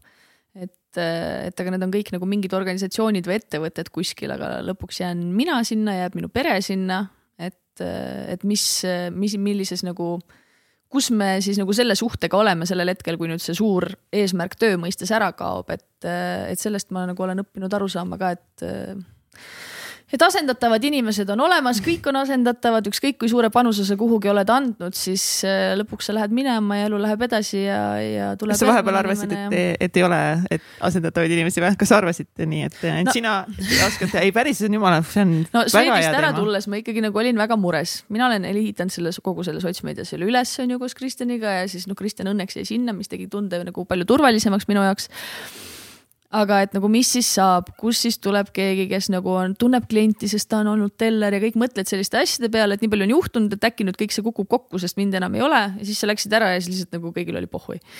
nagu okei okay,, sul mõned lähedasemad sõbrad pangas on ju ikka nagu oi jaa, sinu ajal noh, küll ikka oli, on ju, võib-olla natuke viisakust ka, ma ei tea. aga, aga kokkuvõttes äh, tegelikult jumala suva ja läks natuke aega mööda, oli endal ka jumala suva ja, ja lihtsalt nagu selles ajahetkes nagu lahti lasta millestki, kus sa tunned ennast turvaliselt, sa tunned ennast olulisena, sa tunned, et sul on nagu mingi väärtus, sa oled andnud panuse. et siis, siis nagu sellistest asjadest lahti laskmine tõenäoliselt ongi raske. aga tegelikult noh, nagu sa tulid töölt ära, et no tegelikult elu alles nüüd algab, on ju. jah, täpselt. sama sa, siitu tunnen, nii sorry. kas sa, olles see Swedbankis tööl, kas sa sinna ka nagu panustasid täiega. rohkem kui nagu noh, nii-öelda ma olen pangas ööbinud isegi oma meeskonnaga ja nagu ikka mingeid igast asju teinud. okei okay,, nüüd see viib mind järgmise teema juurde, et eh, ongi, kui me nüüd on ju töötame ja kuskil väga ägedas kohas, me panustame rohkem, kui meilt nõutakse, me teeme mingeid hulle asju ja siis me tuleme sealt ära ja kõigil on mega pohhui. et nagu, kas nagu, kas sa mõtlesid ka selle pealt nagu, et kas see oli nagu kõik üldse nagu väärt siis seda või? No muidugi ma mõtlesin, aga jälle, kui ma praegu selle peale mõtlen, siis tegelikult on jumala pohhu, et neil oli pohhu, sest et see nagu, mida mina sain kümne aastaga Swedbankis, kõik need kogemused, tutvused, koolitused, ma nagu ehitasin üles ka nagu teatavas mõttes võib-olla mingi oma persooni brändi nagu selle kogu sotsiaalmeedia ekspertsuse ja turunduse valdkonna kontekstis, tänu millele kutsuti mind Solaride'i. et, äh, et jah, vahet ei ole, et nad ei mäleta, aga ma olen sealt ka saanud nagu väga palju kaasa. nii et äh, nii nii ja aga see ongi see, et jah, et kui sa jah ise oled sealt nagu nii palju õppinud ja Mhm. kogenud on ju, et siis tegelikult on see ikkagist nagu worth it. muidugi. ei ole alati, oleneb, et, et nojah, võib-olla see oleks sööseks sinna jäänud, kui sul sel hetkel oleks laps olnud või keegi kuskil ootanud, eks ole. Mhm. aga mõtle, kui sa oleks teinud selle otsuse, et aga noh, täna tead, laps otsib ise oma kaerahelbed üles ma ei tule. Saadad mingi SMS-i, no proovi leida oma kaerahelbed. ja, aga seal oligi see nagu töö oli ikkagi hoopis, hoopis teistmoodi, et seal nagu sai nagu täiega panna ja ma tegin ka alati rohkem, kui meilt oodati ja, ja seadsin ju omale ise eesmärke ja viisin neid ellu ja nii edasi, aga, aga kuidagi noh, seal ikkagi olid teised inimesed ka.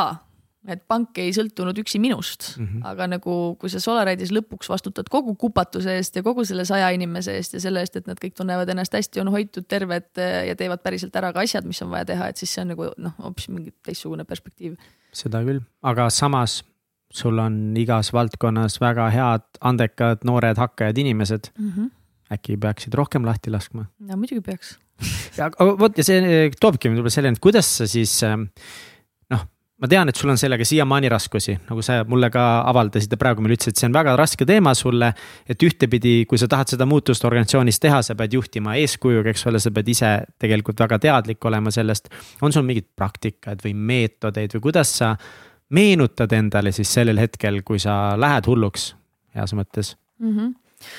No eks ma jälle üldiselt ma nagu räägin sellest ikkagi avalikult ka või nagu, nagu ma ei, kuskil ei ole vaikselt omaette see ülinõudlik, vaid, vaid ma kipun domineerima kohati jälle ka, on ju, või noh, päris palju kui mul tuleb mingeid häid ideid ja, ja davai, teeme hoopis nii, mis te sellest arvate, aga tihtipeale need on nagu ettepanekud, mida juhi puhul jälle tihti võetakse. väga suurt samastumist tihtipeale võetakse nagu juba otsust, on ju, et see on alles ettepanek, aga kuna juht ütleb, siis see on otsus, on ju, siis mingi okei okay,, teeme siis nii.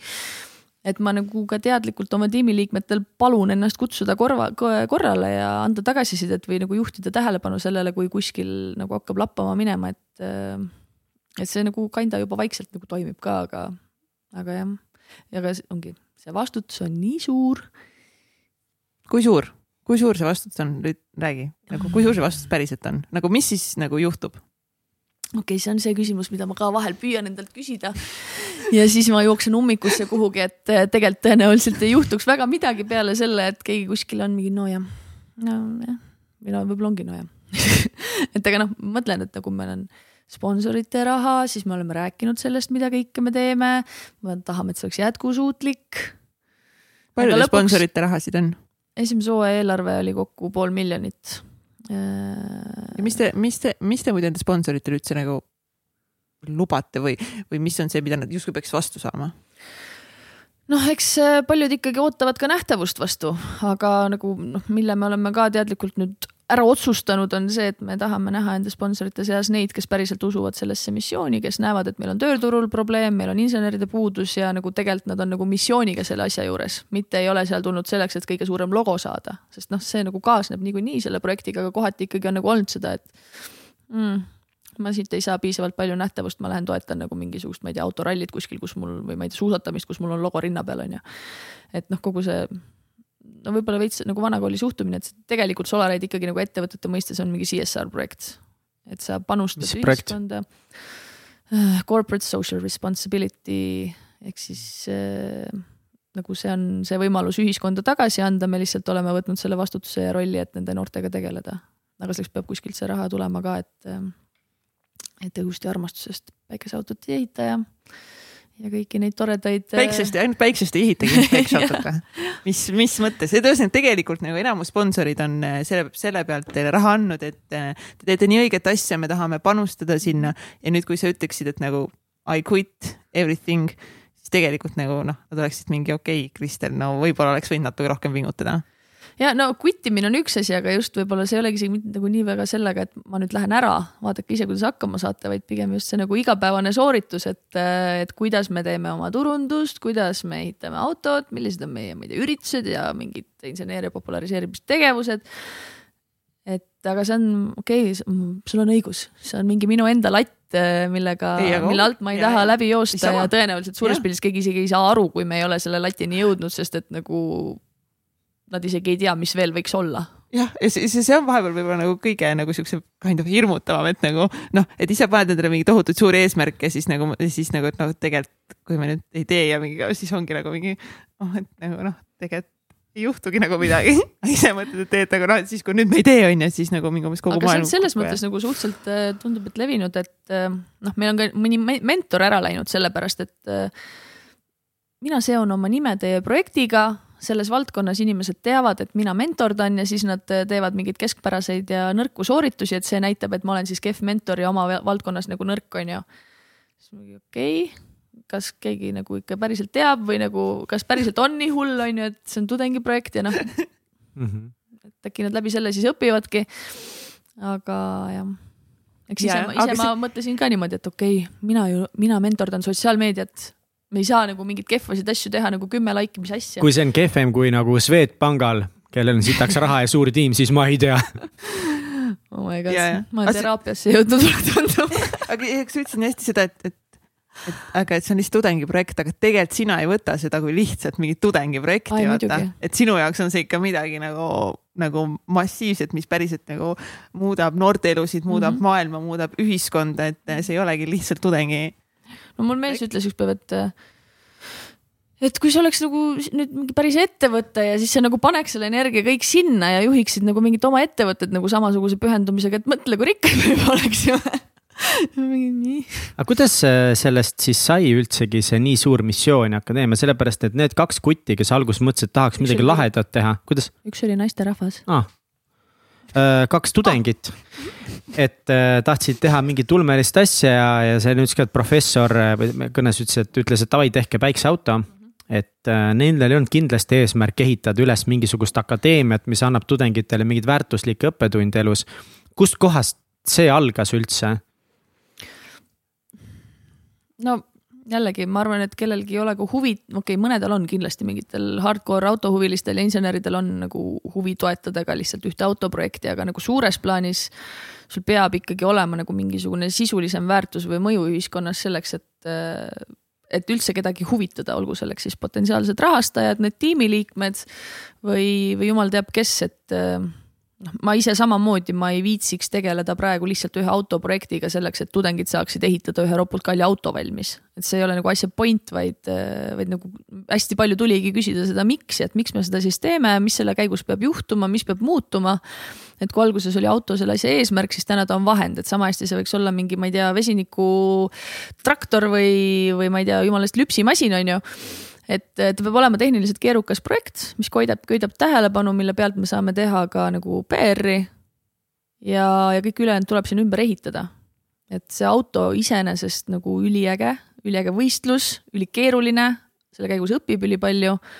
aga see on vahend selleks, et kõiki neid suuri eesmärke saavutada ja ilma nende eesmärkideta ma arvan, et Solaride'i nagu ei oleks ka väga oluline on tegelikult see missioon, mis on leida, kas, kas sina jõudsid selle taipamiseni või see oli kuidagi juba enne seal olemas või et tegelikult see, mis sa praegu räägid, see kehtib iga ettevõtte, organisatsiooni kohta, iga inimese kohta ka, et mis on see miks, mis midagi teeme ja Davidiga just arutasime meie seda ühte teist saadet, mis meil tulemas on, aga sealt tuli ka täpselt see küsimus, et nagu miks, et ikkagi veel rohkem, et mis on see täitsa pekkis, mis on see, millesse meie usume.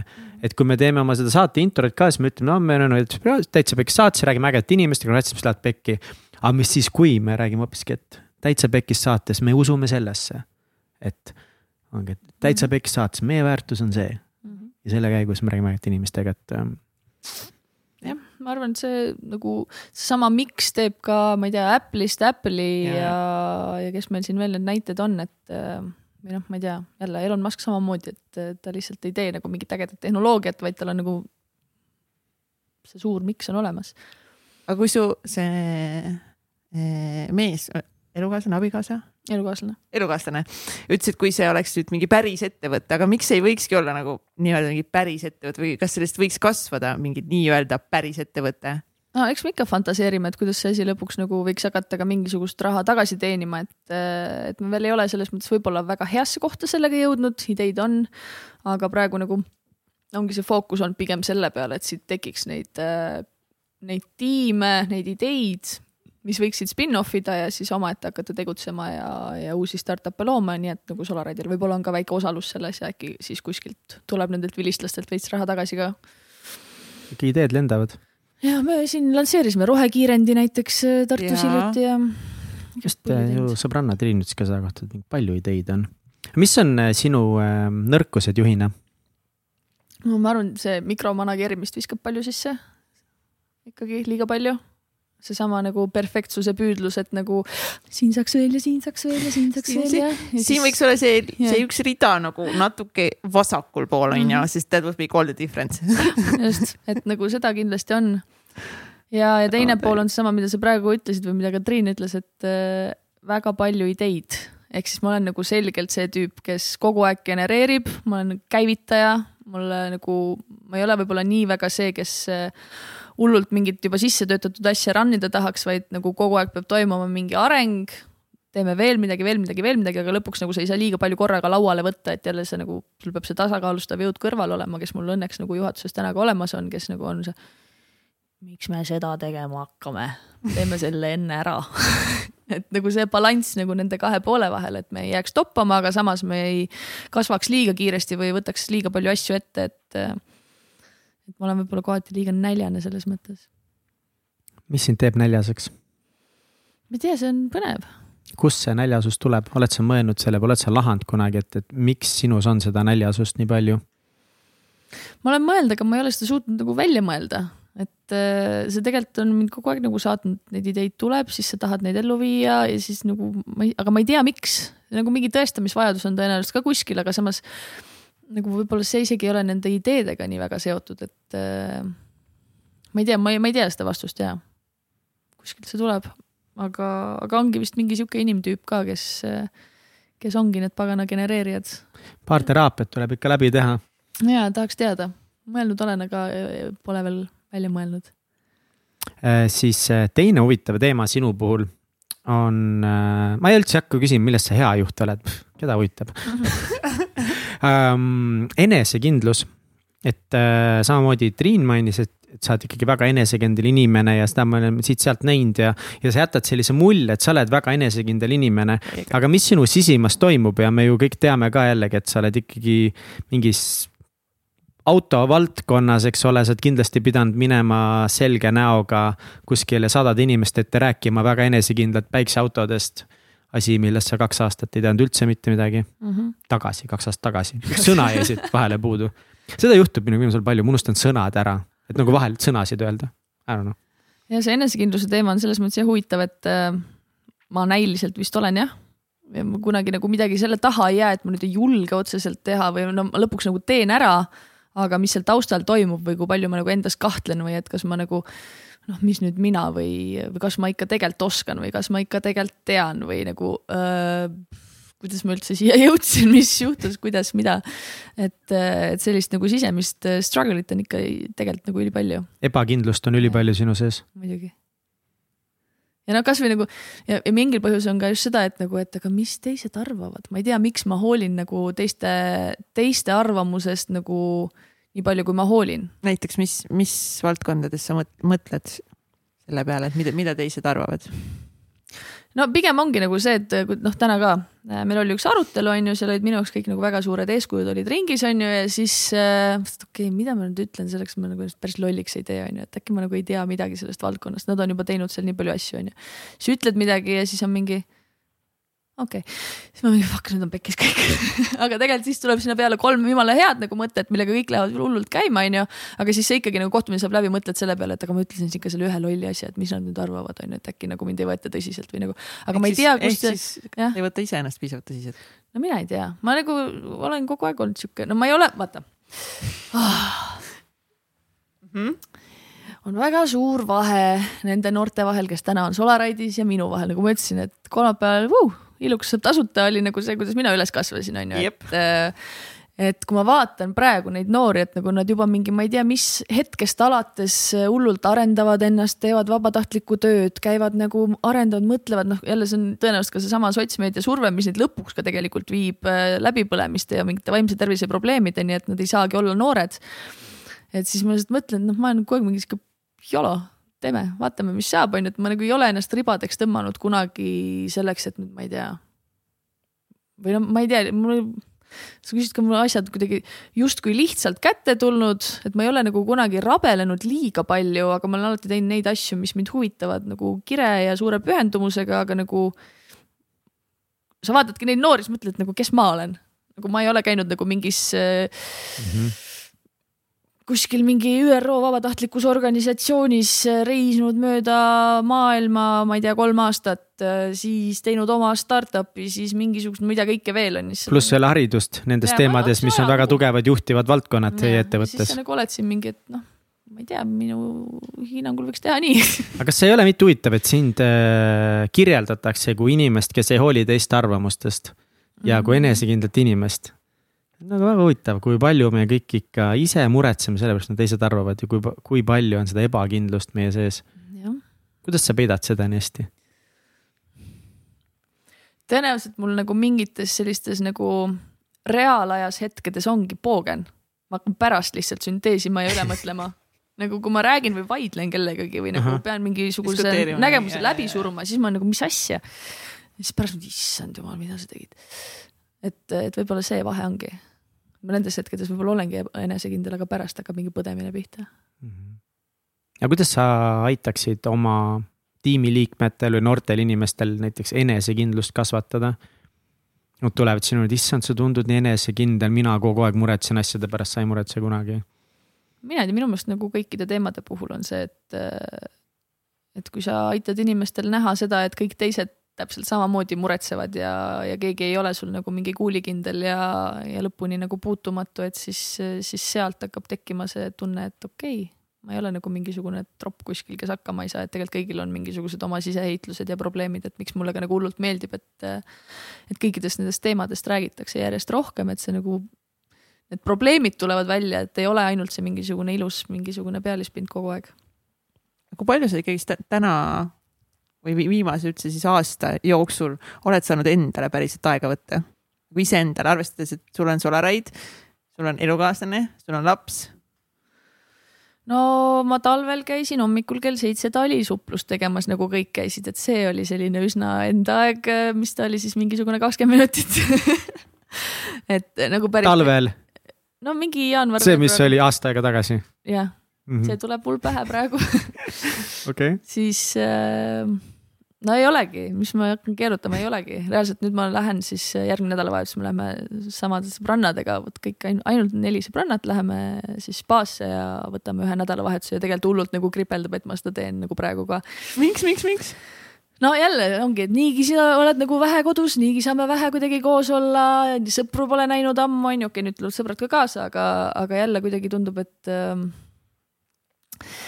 et võib-olla peaks nagu, ma ei tea, kodus midagi tegema, seal lillepeenrad umbes on hooldamata, mis sa sellest majast siis ostsid, kui sa nagu seal midagi ei tee, oleks võinud korteris elada, no mingid siuksed jumala mõttetud asjad ja, ja noh, aga no vähemalt ongi see, et ma nagu päriselt nagu juba pikka aega teadvustan seda, et seda iseenda aega on mul vaja, on mu elukaaslasel tegelikult vaja, onju. aga ma ei suuda seda võtta, ma ei Mm. suuda lihtsalt seda võtta ja see on nagu minu, ma arvan, kõige suurem eesmärk praegu üleüldse, et see nagu päris enda aeg tekiks. See on nii nagu sihuke klišee võib-olla, aga see on täpselt nii nagu, nagu meil see elu siin kuidagi on, et nagu siis tuleb need agad, vaata ongi, aga siis see nagu värk, kuigi sa tegelikult tead, on ju, sa tead mm, -hmm. et sa pead iseendale aega võtma, tegema neid asju, mis täidavad mm -hmm. sinu tassi. onju, nii, aga Mm -hmm. siis on vaja meilidele vastata, siis on vaja seda teha, siis ongi vaja seda teha ja siis me ei kuulagi iseennast ja siis ongi see läbipõlemine uh, -huh. kui me lihtsalt jätamegi selle kuulamise ära sest noh, ma juba nagu mingisugune neli-viis kuud räägin seda, et oh, nüüd on see tähtaeg, siis nagu läheb lihtsamaks, okei okay,, nüüd tuleb see veel, siis läheb lihtsamaks. Nagu kunagi ei lähe. esmaspäevast praegu läheb. pidi lihtsamaks minema, et meeskond läheb Marokosse, et siis on nagu vähemalt auto teele läinud ja nagu siis, siis läheb lihtsamaks. ma mingi, aga nüüd ei ole kedagi Eestis, me oleme mingi viiekesi, me peame kõik ära tegema lihtsalt, kes me siin oleme ja siis niimoodi see nagu läheb, et noh lihtsalt.... aga järgmine aasta läheb lihtsamaks, siis on tiim suurem jep siis on vastutused suuremad, siis saate rohkem raha. siis on veel suurem vastutus. just, nii et selles mõttes äh, nagu tulebki ülijõuliselt seda kõike tegema hakata ja ma ütle nüüd välja, Kristjan, kuidas sa kavatsed hakata seda tegema, okei okay,, see spa eh, nädalavahetus on tore, on ju, nii. No,, aga see on üks kord. üks hetk jah. Ja see on ju, aga see on juba väga samm, aga mis sa arvad, Kristjan, räägime nüüd siis podcast'i, lepime nüüd kokku mingites no, asjades onju. nii, lepime kokku. lepime ja räpime need kokku nüüd eh, siin, inimesed saavad seda pärast järgi kuulata ja minna Kristjanit konfrontima. Ja siin eh, üleskutse kõigile Soraidi tiim, tiimile, hakake Kristjanit kontrollima, nii, mida Kristjan hakkab nüüd siin eh, tegema, kuidas sa võtad enda aega ja mida sa hakkad tegema? ja no ma tahaks oma nädala korralikult ära planeerida kõigepealt üleüldse, onju siis ma olen aru saanud sellest, et kõige loogilisem aeg näiteks trennis käia oleks siis, kui ma viin lapse lasteaeda ära ja ma lähen kohe trenni. et ma nagu ei tee enne ühtegi mingit mailbox'i lahti ja noh, see jälle taandub kommunikatsioonile. et ma olengi kättesaadav sellest kellaajast, aga noh, vaata, see on jälle see projekt, kus kõik töötavad erinevatel kellaaegadel, siis kõik tahavad kogu aeg midagi, et nagu see. aga mis juhtub, kui sa vastad kaks tundi hiljem? no ongi see, et tegelikult ei juhtu midagi, ma pean lihtsalt selle nagu välja kommunikeerima ja ütlemegi, et nagu ma olen teile kättesaadav siis mitte kogu aeg, ma olen ise nagu ära hellitanud. mis kellaaeg see on, millest sa oled, millest nüüd siis äh, järgmisest nädalast hakkad kättesaadav olema, mis see kellaaeg on? mõtlen, no mingi kümnest. kümnest, kuulsite, enne kümmet. Ei vasta emailidele, lihtsalt ei tule vastuseid, mis on kümme megavara. no ma muidu, ma kaheksaks viin lapse lasteaeda, siis ma juba nagu teen ruttu mingid meilid ära, onju, samal ajal mõtlen, et okei okay,, ma tegelikult võiks trenni minna siis mingi oota, ma teen ikka need ära ja, ja siis on juba vaata, ah kell on nüüd juba nii palju, on ju, et tegelikult peaks sööma midagi, siis ma söön, siis on nagu juba hilja trenni minna ja siis nagu õhtul on juba see, et okei okay,, õhtul võiks perega olla, laps on ju terve päev lasteaias olnud, muidu ta ei näegi mind. ja siis ongi nii. nüüd me leppisime, ühes asjas me leppisime kokku, et me mehega paneme last nagu vaheldumisi magama nüüd mm,. ja et kui mina panen magama, siis saab tema käia, ma ei tea, jooksmas või kus iganes või jalutamas või podcast'i kuulamas või mis iganes ja mina siis, kui tema paneb magama, et ongi see, et et see on nagu mingi üks reegel, mis me oleme teinud, siis seda reeglit me oleme sada korda teinud, et kella seitsmest lähevad kõik nutiseadmed ära. et midagi ei vaata no,. see, see on juba nagu ma arvan, see on nagu mingi komöödia lihtsalt nagu, mis meil kodus toimub ka, et kuna ta on ka ettevõtte juht on ju, siis ta on ka mingi suur vastutus. kohe midagi toimub ja siis ta ütleb mulle, et nojah, sa oled jälle moobilis ja moobilis ja moobilis. moobilis, vanaema räägib nii oh.. mingi oma keel vahepeal. ja siis ma ütlesin, näe, pada sõimab katelt, ise oled samamoodi. ei, mina ikka nii palju ei ole ja siis nagu hetk läheb mööda, siis ma ütlen, no nüüd oled sina jälle moobilis ja siis nagu niimoodi see kogu aeg see pingpong käib, on ju, et nagu noh, nagu me oleme mõlemad täitsa sama nagu lollid selles osas, et, et tuleb jälle nagu vastastikku see ära otsustada ja nii teha. sest noh, ma näen juba jälle kõrvalt nagu vahel, kui laps ütleb juba jälle, et nagu pane palun telefon ära siis oh, on wow, nagu see, laps et, ütleb niimoodi või? siis on nagu see, et okei okay,, nagu päriselt see telefon tuleb ära panna, onju. et, äh, et no kahe poole aastane võib sulle öelda ikkagi nagu juba väga palju selliseid asju, mida ta elus märkab, et. ta on pigem lapsed ja just vaata Illimariga ka oleme nii palju Katuga rääkinud, et äh, lapsed on lihtsalt nii nagu nii retsid peeglid lihtsalt mm. kohanevad sulle ära, nad noh, seal ei ole mingeid filtreid vahel vaata, ongi. ma ei midagi teed mm. telefonis või, ahah, selge. no täna oli ka, ma ei mäleta, mis asi see oli, mingi vaatasin mingit äh, meediakajastust, milleks pressiteade täna välja. Äh, kuna laps on praegu kodus haige, siis ma üritan praegu tema kõrvalt siis äh, tööd teha ja siis ka mitte tööd teha ja siis ma vaatasin üle mingisuguseid kajastusi ja siis oligi läpaka ekraani peal oli siis autost pilt, siis laps ütles ka, et aa, see on see auto, päikeseauto. mingi, väga hea on jah mm. -hmm. ma käisin ka vaatamas, emmet ei olnud kodus et, äh, et nagu ta nagu jah mm, -hmm. iga kord, kui ta ütleb, et mind ei ole kodus olnud või et emme teeb tööd või siuksed asjad, siis, siis mul nagu täiega litib ja mõtlesin nagu no. aga samas ei muutunud midagi? ja ikka muutub vahepeal ka, aga nagu need on väiksed sammud, aga, aga ma ikkagi nagu liigun järjest sinnapoole, sest äh, ja peab muutuma. ma, ma arvan, ma olen juba tänaseks ikkagi nii küps, et ma saan aru, et äh, et muidu see pidu ei kesta kaua ma ei ole nagu valmis mingeid suhteid äh, ohvriks tooma mitte ühelegi tööle, et äh, kui ma valida, kas olla täiskohaga ema või mingi tippettevõtte juht kunagi, siis kindlasti ma valin emaks olemise, sest see nagu minu elus on kõige olulisem ikka olnud. ja selles mõttes, et kui sa neid muutusi vaata ei tee, siis sa nagu anyways põled läbi, onju. ja anyways nagu Solaroid, Solaraidil ei saa nii hästi. Solaroid. Solaroid. Forever Solaroid for me nagu, nii et sõbrad, teate. Kats, siin on vaja muutusi teha. Tee muutusi. muutused Solaraid muudame Solaroidiks. ma arvan, et see lahendaks ka nii mõningad siin kohtuasjad onju, nii. ühesõnaga, kuhu ma tahtsin jõuda sellega, et ongi see, et, et nii keeruline kui ka see oleks, aga mida rohkem nagu meie selliste driver naistena võtame aega iseendale ja tegeleme enda naiseliku poole ja kõige sellega mm. -hmm. seda rohkem hakkab ka ettevõte kasvama, meie inimesed ümber muutuvad rõõmsamaks mm. -hmm. et noh, lihtsalt see tundub kuidagi nagu lii, ongi vahepeal liiga, liiga klišee või liiga lihtne nagu, et ah, võta aega iseendale ja mingi tegele iseenda asjadega ja. aga ma Noh, mingi vahe ikka nagu täiega nägin seda ka, et äh, no praegu ei ole nagu, ongi juba, juba on praegu parem, aga vahepeal, kui see kõige nagu hullem aeg oli, et siis äh, samamoodi ma ikka nagu muutusin väga selliseks okkaliseks, on ju. mul ei olnud aega nagu põhjalikult ja selgelt ja piisavalt pikalt ka inimestele nagu tiimis sees mingeid asju kommunikeerida, sa hakkad eeldama midagi nagu vilksamisi siin-seal, püüad, püüad igale poole jõuda ja lõpuks sind ei ole mitte kuskil ja siis nagu noh, nagu kellel on sellist juhti vaja, mitte kellelgi. et äh, tugeva juhina ma kujutan ette, ma ei tea, ma kujutan ette, et sa oled väga palju mehelikus energias. see on üks see teema, millest me oleme oma saates omajagu rääkinud ja meil nädalavahetusel oli just seminar. oliks see nädalavahetus, aeg läheb vahepeal nii, jaa, oli küll see nädalavahetus. ja, ja just see naiseliku ja meheliku energia tasakaal oli äh, päris tugev teema, millest erinevad inimesed rääkisid. kuidas sinu elus on oma naiseliku energia eest hoolitsemine, üks asi tegelikult on leida lihtsalt seda nagu baasvundament aega endale, kui teed naiseliku energiaga tegelema ka vundamendiga, aga noh, ongi toitumine, liikumine, et sa pead sellega tegelema ka mm. -hmm. aga siis on seal, sealt on tegelikult midagi sügavamat veel, olla kontaktis iseendaga täielikult oma meheliku ja oma naiseliku poolega mm. -hmm. kui palju sa mõtled sellise asja peale? Selle meheliku ja naiseliku peale ilmselt mitte. võib-olla mingisugusel omal moel äh, teadmata mingeid definitsioone.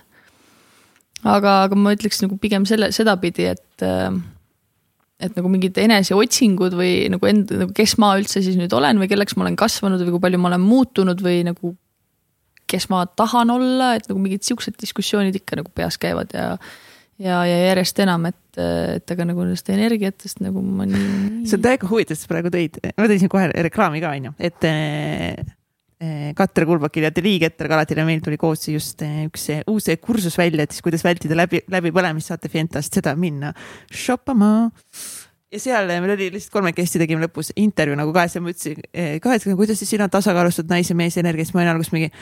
ta ausalt öeldes nagu mingi pool aastat tagasi ma ei, ma ei teadnud, mis asi on naisenergia, mis asi on No meesenergia ja nad üldse eksisteerivad nagu, ma mõtlesin nagu on nagu üks nagu lihtsalt teen ja teen ja teen, aga tuleb välja, et ongi, et nagu meie selliste nagu driver naistena veedame ülipalju aega meesenergias, ehk siis me kogu aeg tegutseme, eesmärgid, kogu aeg käib jah, et nagu noh, see hustle mm -hmm. on Mhm. ikka tugev, onju mm. -hmm. ja, aga meie oleme ülivähe sellises nagu mõnusas kulgemises, oma intuitsiooni kuulamises, mingi voolamine, tantsimine nagu kõik mingi sihuke teema. ja siis üks hetk nagu ongi, me nagu oleme lihtsalt ainult seal mehelikus energias ja siis meie naispool on täiega nagu kustub ära Mm -hmm. ja siis me olemegi nagu kurvad ja läbi põlenud ja. no vot nüüd äh, spaasse minnes saab selle naiseliku energiaga tegeleda täiega. sest meil on ka pediküür, näohooldus, massaaž uh., siis tahaks seal vedeleda, siis Ja tahaks lihtsalt vedeleda. lobiseda ja nagu mitte midagi teha ja jalutada ja nagu kõik mingid asjad, mida nagu üliammu pole teinud.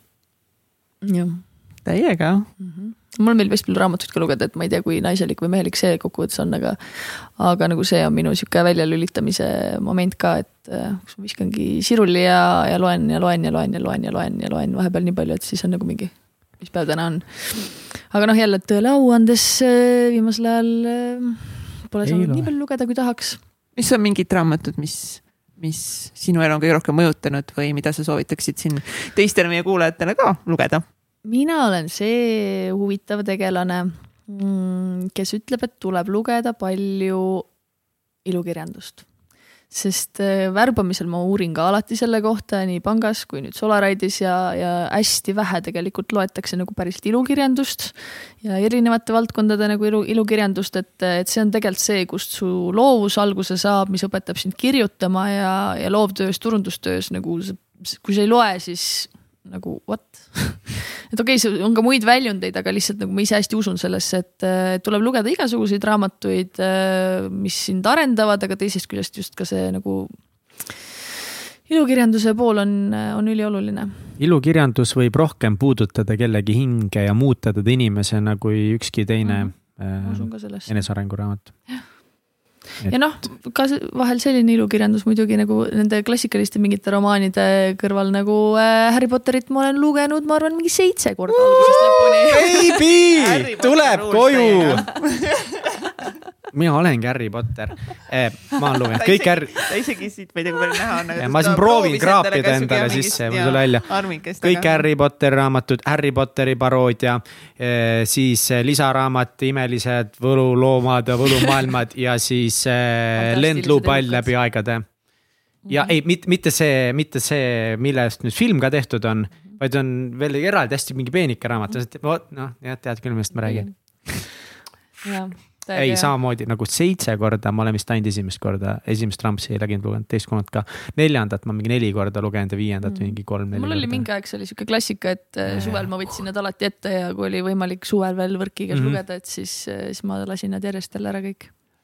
ai, su tütrekesel on veel aega sinnani jah. ma olin äh, täpselt seitsmeaastane, läksin täpselt esimesse klassi, kui esimene Harry Potter tuli ja siis iga aasta nagu uue, uute klassi minekuga tuli ka uus Harry Potteri osa päris jutti, ma mäletan väga hästi seda, see oli ilus. kui tuli, siis oli see, et sa ei väljunud oma toast enne, kui see raamat oli läbi. jep, nope, ei tulnud, olin öö läbi üleval ja lugesin mm. -hmm. ja oh no. saad oh my god. ja kui ma juba iseendast siin räägin, siis tegelikult ma enne tahtsin äh, kuidagi jagada ka sinuga, et, äh, et me siin oleme kõvasti sinu puudusi ikka välja toonud, mis noh, mis sa kõik ikka tegemata jätad iseendale, eks ole, mina tulin hiljuti töölt ära, ma olin Helmese ärianalüütik ja võtsin ka ajakirjandust iseendale nüüd. ei olnud üldse lihtne otsus ja, ja just ka, et noh, hästi palju põhjuseid, aga näiteks kui ma peaksin mingi viiskümmend põhjust äh, kirjutama, on ju, et miks ma nagu tulin töölt ära või miks näiteks hetkel tulles. sa võiks täiega kirjutada, viiskümmend, viiskümmend põhjust, miks tulla töölt ära ja, ja miks mina tulin töölt ära. ja siis võib-olla kuskil näiteks kolmeteistkümnes või kaheteistkümnes oleks olnud mediteerimine, et, et tegeleda rohkem mediteerimisega, võtta aega. ma tulin töölt ära mingi kuu aega tagasi, mitu korda mediteerinud olen, mis sa arvad? sa ei tulnud töölt ära kuu aega tagasi, jah? Ei ole võimalik. aa, ei ole jah, ma täpselt kakskümmend üks päeva tagasi, kakskümmend üks päeva tagasi, mitu korda. palju oled siis? mis sa arvad? no null kõlab täpselt, nagu. jah, ma olen null korda mediteerinud ja ma iga päev mõtlen selle peale, et ma peaks kindlasti mediteerima, homme peaks mediteerima. see sisetunne, vaata. ja, ja, ja täpselt ja ma saan nii hästi aru, vaata, kui sa räägidki sellest, et ja see vahepeal paneb mind nagu mõtlema ka, et kuna me siin ka tegeleme nagu sellega, me tahame inimesi muuta ja transformeerida ja aidata neil kasvada ja julgemad otsused elus, siis vahepeal me teeme neid otsuseid ja vahepeal hästi muutuvad, aga. aga miks on vahepeal niimoodi, et sa iga päev konstantselt päevast päeva mõtled, et ma peaks jah, et ma, ma peaks mediteerima, ma peaks mediteerima, võib-olla ongi see sõnastus on vale või midagi muud on vale mul on, mul on Headspace'i aastane pakett, siis ma võtsin Synctuitioni aastase paketi kõrvale veel, on ju. ja, ja mul on sitaks aega, et mediteerida ja mul kuidagi ei ole üldse aega, et mediteerida. mul on selle meditatsiooniga ka see teema, et äh, ma tahaks, aga ma ei oska ja ma ei oska kuskilt pihta ka hakata. Headspace'i äpp. ma, ma, ma kunagi alustasin sellega väga tugevalt, väga tugevalt alustasin okay sest jah, juba see, kui ma mingi vahe tegin ala mingit nagu iga hommik tegin natukene mingit hingamist, see oli juba nagu nii kuidagi tervendav või nagu ja. värskendav, et äh, siis ühel hetkel jälle nagu noh, läks juba liiga mõnusaks, et siis enam ei teinud ja siis pärast said aru, et nagu üliraske on jälle uuesti seda mingisugust rutiini tagasi tuua, aga kui see olemas oli, siis see oli ülihea. aga praegu hingad? praegu ei hinga. praegu ei hinga. me hingame üldse päevas väga vähe. vot, miks sa arvad, miks me ei tee neid asju? Ma ei tea. kogu aeg on vaja ikka midagi nagu, midagi, mingi ora on kuskil. tundub, et midagi jääb tegemata või elamata või saavutamata ja siis äh, ma ei tea. ma olen nagu pikalt see fantaasia ikkagi praegu ka isegi nagu kuigi Solaride'iga on üliäge, et, et ma ikkagi elan kuskil maal ja teen midagi seal kohapeal, nii et ma ei pea kellestki sõltuma ega kuskil käima ja ma teen täpselt nii palju, kui ma tahan. ja siis tuleb jälle see nagu mõte, mida ma seal maal teen, siis ma ei oska seal mitte midagi ju teha, et nagu mis ma teen kodus, okei okay,, suutsin porgandeid kasvatada ja nagu mingi maasikaid oli ka päris palju, aga nagu, aga nagu mida ma seal siis tegema hakkan, sest ma ei tahaks samas ka nagu väga teha sellist nagu arvutis istumise tööd seal maal. ma võin seda teha, aga see ei peaks nagu see, nagu selle asja tuum olema, et ma ei tea ma hullult võiks kuskil maal elada, aga kui ma Tallinnast Tartusse kolisin, siis oli juba nagu kõik mingi davai, maale ära jah ütle nüüd, et Tartu on maakoht, oi plee. siis ma kolisin Tartust välja, mõni kilomeeter viis äkki. no noh, nüüd on ikka täitsa lost, et enam sind kuskil ei näe, et nüüd oled ikka täitsa maal, aga noh, ma nagu mõtlengi seda sammu edasi, et kuidas korraldada oma elu ära nii, et nagu päriselt kuskil kuskil metsa sees jõe kaldal mõnusasti elada, nii et äh, aga miks, miks just metsa sees jõe kaldal? ma ei tea, kuidagi meil on, mul on Kauksis Peipsi ääres on vanematel suvila järvest kakssada meetrit, iga kord, kui ma seal olen ka pikemalt olnud, et kui me seda maja ostsime, korterit müüsime, siis me kuu aega elasime seal keset talve detsembrikuus nagu seal ei olnud ühtegi, suvel on seal mingi elu, aga seal ei toimu mitte midagi.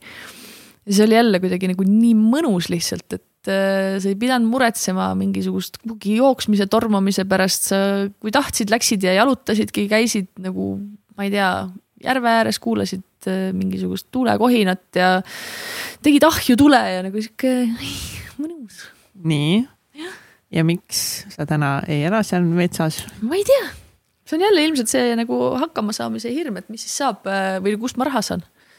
No. kuidas ma elan seal mm? -hmm. mis ma teen Solaraid. siis? ja no see on jälle see, et kui ma metsas, siis see tähendab seda, et ma pean hakkama kuskile sõitma ja asju tegema ja siis seda ka ei viitsiks nagu pool elu maha sõita kuhugi, et äh, nagu neid agasid on nii palju, aga lõpuks kokkuvõttes ongi ikka see, et tuleb lihtsalt minna ja vaadata, mis saab. no nagu sa hakkasid Solaride'i tegema nagu sa eh, läksid Swedbanki, kasvasid sealt on ju väga kõrge koha peale. siis tõenäoliselt see ikkagi nagu ka juhtub, sest me ikka üle nädala vaatame mingit KV-s krunte mehega. aga päriselt või? ja kogu aeg. see on nagu, juba konkreetne asi. see on juba nagu jah. ja me ikka oleme neid krunte ka juba vaatamas käinud päriselt ja siis nagu mõelnud, et kuidas juba saaks siis asjad ümber korraldada, aga. see ongi hea algus, that's all. me ei ole veel seda krunti lihtsalt leidnud, ma arvan, kui me leiame, siis jah, kui tuleb see õige. kui äh, palju emadus sind muutnud on? väga palju, nagu väga palju. ma olen üksiklaps. sama, see on meil nii sarnane oh väga veider, väga veider, asjad on, lähevad siin veidraks. ja noh, ongi see, et ma nagu, või noh, ma ei ole ka oma emast kunagi nagu võib-olla väga palju aru saanud, mida ta muretseb, kui ma kuskil nagu hilja koju tulen või nagu mis asja, et ma olen juba suur inimene, et nagu miks ta muretseb ja, ja kõik maailma asjad ja siis, kui sa nagu päriselt ise lapsevanemaks saad või nagu emaks sealjuures. siis oh my god, lihtsalt nagu mingi, ma nüüd mõistan oma ema. et ma arvan, et nagu minu äh, kuidagi suhtumine ka emaga omavahelistesse suh, nagu suhetesse äh, muutus selle taustal päris palju ja, ja see on ikka nagu hoopis midagi muud, ma nagu, ma olin täpselt see, ma olin täpselt see nagu rase, kes oli mingi no ja siis ma hakkan tegema seda ja seda ma kindlasti ei tee ja nagu no seda ja. ma ei tee nagu mitte kunagi ja mingi Montessori ja blablabla bla, bla, on ju nagu kõik õpikust jumala selge, kuidas tuleb ühte last kasvatada. ja siis mingi ei, ei ära hakka mul üldse ajama, on ju. siis sa saad selle lapse ära ja siis on nagu mingi. ma teen sinu jaoks mida iganes ja nagu lihtsalt nagu kõik asjad, mis sa ütled, sa ei tee, sa lõpuks teed neid, kõik asjad on hoopis teistmoodi ja noh, see nagu ma ütlesin, et seda on võimatu kirjeldada, mis tunne on äh, saada emaks, sest et sellist tunnet ei ole võimalik enne emaks saamist tunda. nagu nii sellist piiritut armastust või nagu äh, vaa, see on ikka ulme, see on rets. ja sellepärast ma ka soovitan inimestele, et saage lapsi et see on, see on üliäge, see on nagu täiega kihvt, jah et, et ma arvan, et muutusin mina ja, ja muutusid minu suhted ka väga palju. sa mainisid, et äh, sinu äh, elukaaslane on ka juht mm. -hmm. kuidas see teie elu mõjutab, et on kaks tugevat äh, juhti? kas ta on ka sihuke driver nagu sina? meil on see vastandit tõmbuvad suhe. et ma, kui ma olen sihuke nagu ekstravert ja väga väljapoole, et siis ta pigem on sihuke rahulik, tasakaalustav introvert ja nagu mingi ja hold your horses nüüd. et ta nagu väga hästi saab kõigi oma asjadega hakkama ja teeb ja kütab äh, ka hullu, aga lihtsalt ta on nagu see nagu väljund või väljendusviis on teine ja ma arvan, et see nagu paneb ka meie suhte hästi toimima, et, et me jälle tasakaalustame kuidagi teineteist. muidugi mingites momentides on keeruline ka, aga, aga noh, Solaredi juhatuses on samamoodi, et mul on seal nagu paar tüüpi, kes on täielikult minu vastandid, alguses nice. meil oli niimoodi, et nagu mingi mida, kuidas sa aru ei saa, seda on vaja teha, nagu mida sa jaurad nagu lihtsalt sisemiselt, sisemiselt mm -hmm. keed on ju ja siis ühel hetkel, kui me nagu kaardistasimegi ära selle, et kes need inimesed meil siis juhatuses on, me tegime seal Belbini neid äh, isiksuse analüüse ka. nii, oota, mis te tegite? Belbini äh, meeskonnarollid, äh, selline ankeet on olemas. väga põnev nii, oota, guugeldame. Soomre on suurepärane inimene selles osas. nii, miks te, miks te otsustasite seda teha, alustame sellest. tegelikult Mats kõigepealt kirjutas meile, et oh, te olete lahedad, et äh, ma võin teid aidata juhtimisteemadega, on ju, siis me süvenesime, mis on, siis ta pakkus meile neid, alguses me tegime lihtsalt noh, et teeme, tore, ma olen elus ka teinud terve rea igasuguseid mingeid isiksuse teste, värke, on ju. ja nad kõik on nagu teed ära, loed ära ja siis nad on sinnapaika jäänud, aga, aga see Belbin kuidagi nagu tuli hästi õigel ajal, see, kuidas Mats ise sealjuures ka meid äh, nagu nõustas ja koolitas ja nagu aitas meil teineteisest paremini aru saada, et äh, ta keskendubki põhimõtteliselt sellele, et mis on sinu mingid käitumismustrid või tugevused, mis on siis nõrgemad pooled, nagu ikka need testid teevad aga, aga just läbi selle, et, et me fokusseerime nendele tugevustele ja kuidas sa pead oma meeskonna kokku panema nii, et sul on erinevad tugevused, mitte sa ei tee probleemi sellest, et sul on nõrkusi. aga mhm. teineteise puhul me alati hakkame märkama ju neid asju, mida keegi ei tee, et ma ei tea, mina ei ole nagu kogu aeg peapidi Excelis või rohkem on pea laiali, on ju, ja teeme kõiki asju korraga. samal ajal kui keegi teine arvab, et nagu täiesti õige on teha kõike ainult joonlaua järgi ja ainult neid asju, milles me oleme kokku leppinud ja mitte midagi uut võtta, et siis need noh, hakkavadki vastastikku närvi ajama aga kui sa teed selle analüüsi ära, sa vaatad, kus on ka need mingid riskikohad, milles keegi võib raksu minna. Äh, ka sarnaste inimeste puhul, siis, äh, siis nagu nii palju lihtsam on äh, ennetada probleeme ja teineteisest aru saada. jah, sama asi. et, et ja noh, praegu ongi, olles nagu mingite inimeste ankeedid kõik ära teinud, siis sa näed lihtsalt ka organisatsioonis mingeid protsesse, mis nagu mustvalgelt taandub lõpuks sellele samale analüüsile et kui seda tõsiselt võtta, siis jääb päris palju mingeid probleeme ära. Ma ei tea, kus me selleni praegu jõudsime, aga ühesõnaga jah me.... väga huvitav teema, mul kohe nagu mingi meeskonnarollid ja isiksustüübid ja see on hästi huvitav. kohe käima ja see tõmbab mind käima ja mulle meeldib see, et te olete suutnud päriselt neid kuidagi jälgida või rakendada, et, et ei olegi, nagu sa ütlesid ka, et ei ole seda jätnud lihtsalt kuskil sinna tore teadmine. aga mis on see võti või mik, miks teil nagu õnnestus neid kuidagi nendest reaalselt igapäevaelus nagu mingit kasu lõigata või neid tähele panna, neid märgata? Noh, ma arvan, kõikide asjadega on jälle see mingisugune järjepidevus, me tegime ainult juhtidele esimese hooga selle mm, -hmm. juhtidele ja juhatusele ja, ja personalijuhiga mõlemad nagu väga tugevalt oleme jäänud Matsiga suhtlema, esiteks on Mats meie jaoks olemas olnud, ta on aidanud meil ka selle põhjal analüüsida mingeid olukordi. et see kuidagi, et me ei ole lihtsalt, ma arvan, lasknud sellel minna ja kui mingid inimesed olid alguses mingi ja, ja davai, davai, mis jama see on, on ju siis äh, kui sa järjepidevalt ikkagi nagu peegeldad läbi sellesama mustri mingeid olukordi ja tegevusi ja, ja nagu tõlgid mingeid sündmusi sellesse samasse keelde, et siis hakkavad ka need kõige suuremad skeptikud tegelikult nagu aru saama, et see tegelikult nagu võib-olla on mingi päris asi. Teete nagu täiega tipp, tippettevõte. Using every edge you have. jah, nüüd me tahame ülejäänud tiimiga ka seda teha. Äh, siin Mats Soomre, Mats shout out talle. väga lahe on ta kohe esimene koolitaja siin. ta on põhivend jah. vot nii. super, mulle meeldib see, mulle meeldib see suhtumine, et äh, tulebki nagu asju teha väga tõsiselt ja mõelda kogu aeg, et sa oled seal maailma tippude vastas ja selle jaoks, et maailma tippudega võistelda, siis mitte see, et me töötame kõige kauem ja kõige rohkem, vaid me töötame targalt me keskendume sellele, mis on meie tugevused, millised inimesed meil sobivad kokku, seda kõike on äh, palju. kui palju teil üldse nagu protsentuaalselt sul seal tiimis äh, on nagu mehi versus naisi? äkki mingi kuuskümmend mehed, nelikümmend naised umbes. võib-olla natukene veel rohkem meeste kasuks, aga sinnakanti enam-vähem pooleks ikkagi. pooleks enam-vähem. aga noh, inseneerias on neli naist, et selles mõttes äh, enamik naistest on siis äh, ikkagi humanitaarsuuna tegevuste juures, nii nagu see klassikaliselt paraku praegu on. aga lahe on see, nagu mis mulle hullult meeldib, ongi see, et äh, ei ole nii, et insenerid nokitsevad oma autot, siis turundajad midagi pasundavad seal on ju ja siis keegi kuskilt otsib raha veel. et kui see nagu auto ehitamine päriselt ikkagi pihta hakkas, et kui sul oli auto nagu kõik joonised, tootmine oli juba ära tehtud et siis see auto päriselt valmis saaks ja see kokku saaks pandud, siis kogu tiim oli seal käed küljes. küll nad nagu lamineerisid seal süsinikust kerepaneele, küll nad äh, käisid, said aru, mis vahe on mutril ja Boltil on ju, või mutril ja, ja kruvil.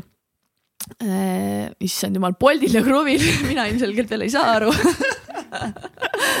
väga hea.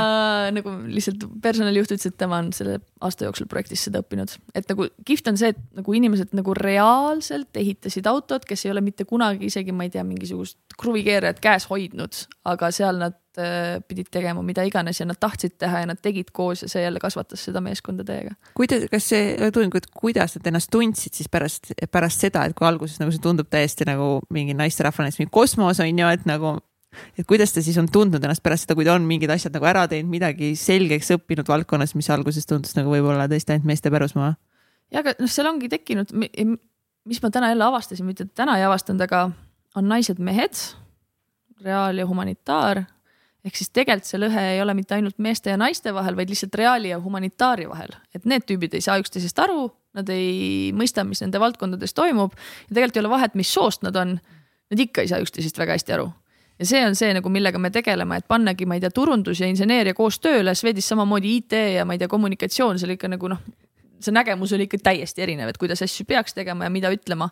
et me tahame just seda soodustada, et nad mõlemasuunaliselt saaksid aru, mida on vaja teha, et insener mõistaks, miks on vaja turundada, miks on vaja asjadest rääkida, enne kui nad on valmis. ja samal ajal turundaja saaks aru, et miks võib-olla kõigest ei saa rääkida ja kuidas asjad päriselt seal nagu tehnilise poole peal toimivad, et ma siinkohal kohe promon täiega meie hea sõbra Martin Raadiku podcast'i Forget Oil. ma ei mäleta, mis oli nende noormeeste nimed, kes Mart käisid seal. Mart, Eerik ja Kaspar, mis nende rollid on, kes Mart? Eerik on meil inseneeria valdkonnajuht ja Kaspar on fundraising us. Vot äh, nemad kaks äh, käisid siis Martini podcast'is rääkimas just äh, palju rohkem selle auto enda ehitamisest, et kui kedagi nagu praegu täiega huvitab, et aga milline see auto üldse on ja. ja mis, kuidas selle ehitamine käib ja mida see ralli näiteks endast kujutab, siis täiega minge kuulake Martini episoodi Forget Oil, see oli jumala, jumala huvitav oli seda kuulata. aga mis on, mis on olnud mingid kõige suuremad pekkiminekud selle ettevõtmise jooksul? Ma arvan, et meie esimene kapist väljatulek nagu päriselt, päriselt läks tegelikult pekki nagu turunduse mõistes ka. millega me ise tulistasime omale jalga, et, et suure hurraaga alguses nüüd me tuleme, näitame Teslale tagatulesid, loome revolutsiooni transpordisektoris, arendame noh, ikka siukse auto, et on arendatud et siis kõik mingi ja, ja davai kindlasti teistel on mingi kümme aastat läinud, et enam-vähem midagi saavutada, et te nüüd tulete ja teete ja omast arust nagu kõik korraga ära ja kõigile silmad ette, et nagu sihuke nagu. Seal oli liiga suur annus ülbust enesekindluse asemel.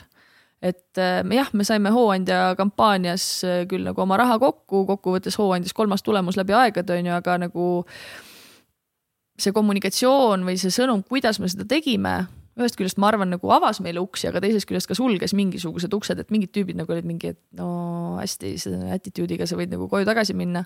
ja siis sealt hakkas tegelikult see teekond selleni, et tegelikult me ju ei, asi ei ole selles autos, et kuidas me nagu, siis meil läkski, ma arvan, mingi pool aastat äh, aega selleks, et jõuda nagu nende päris miksideni.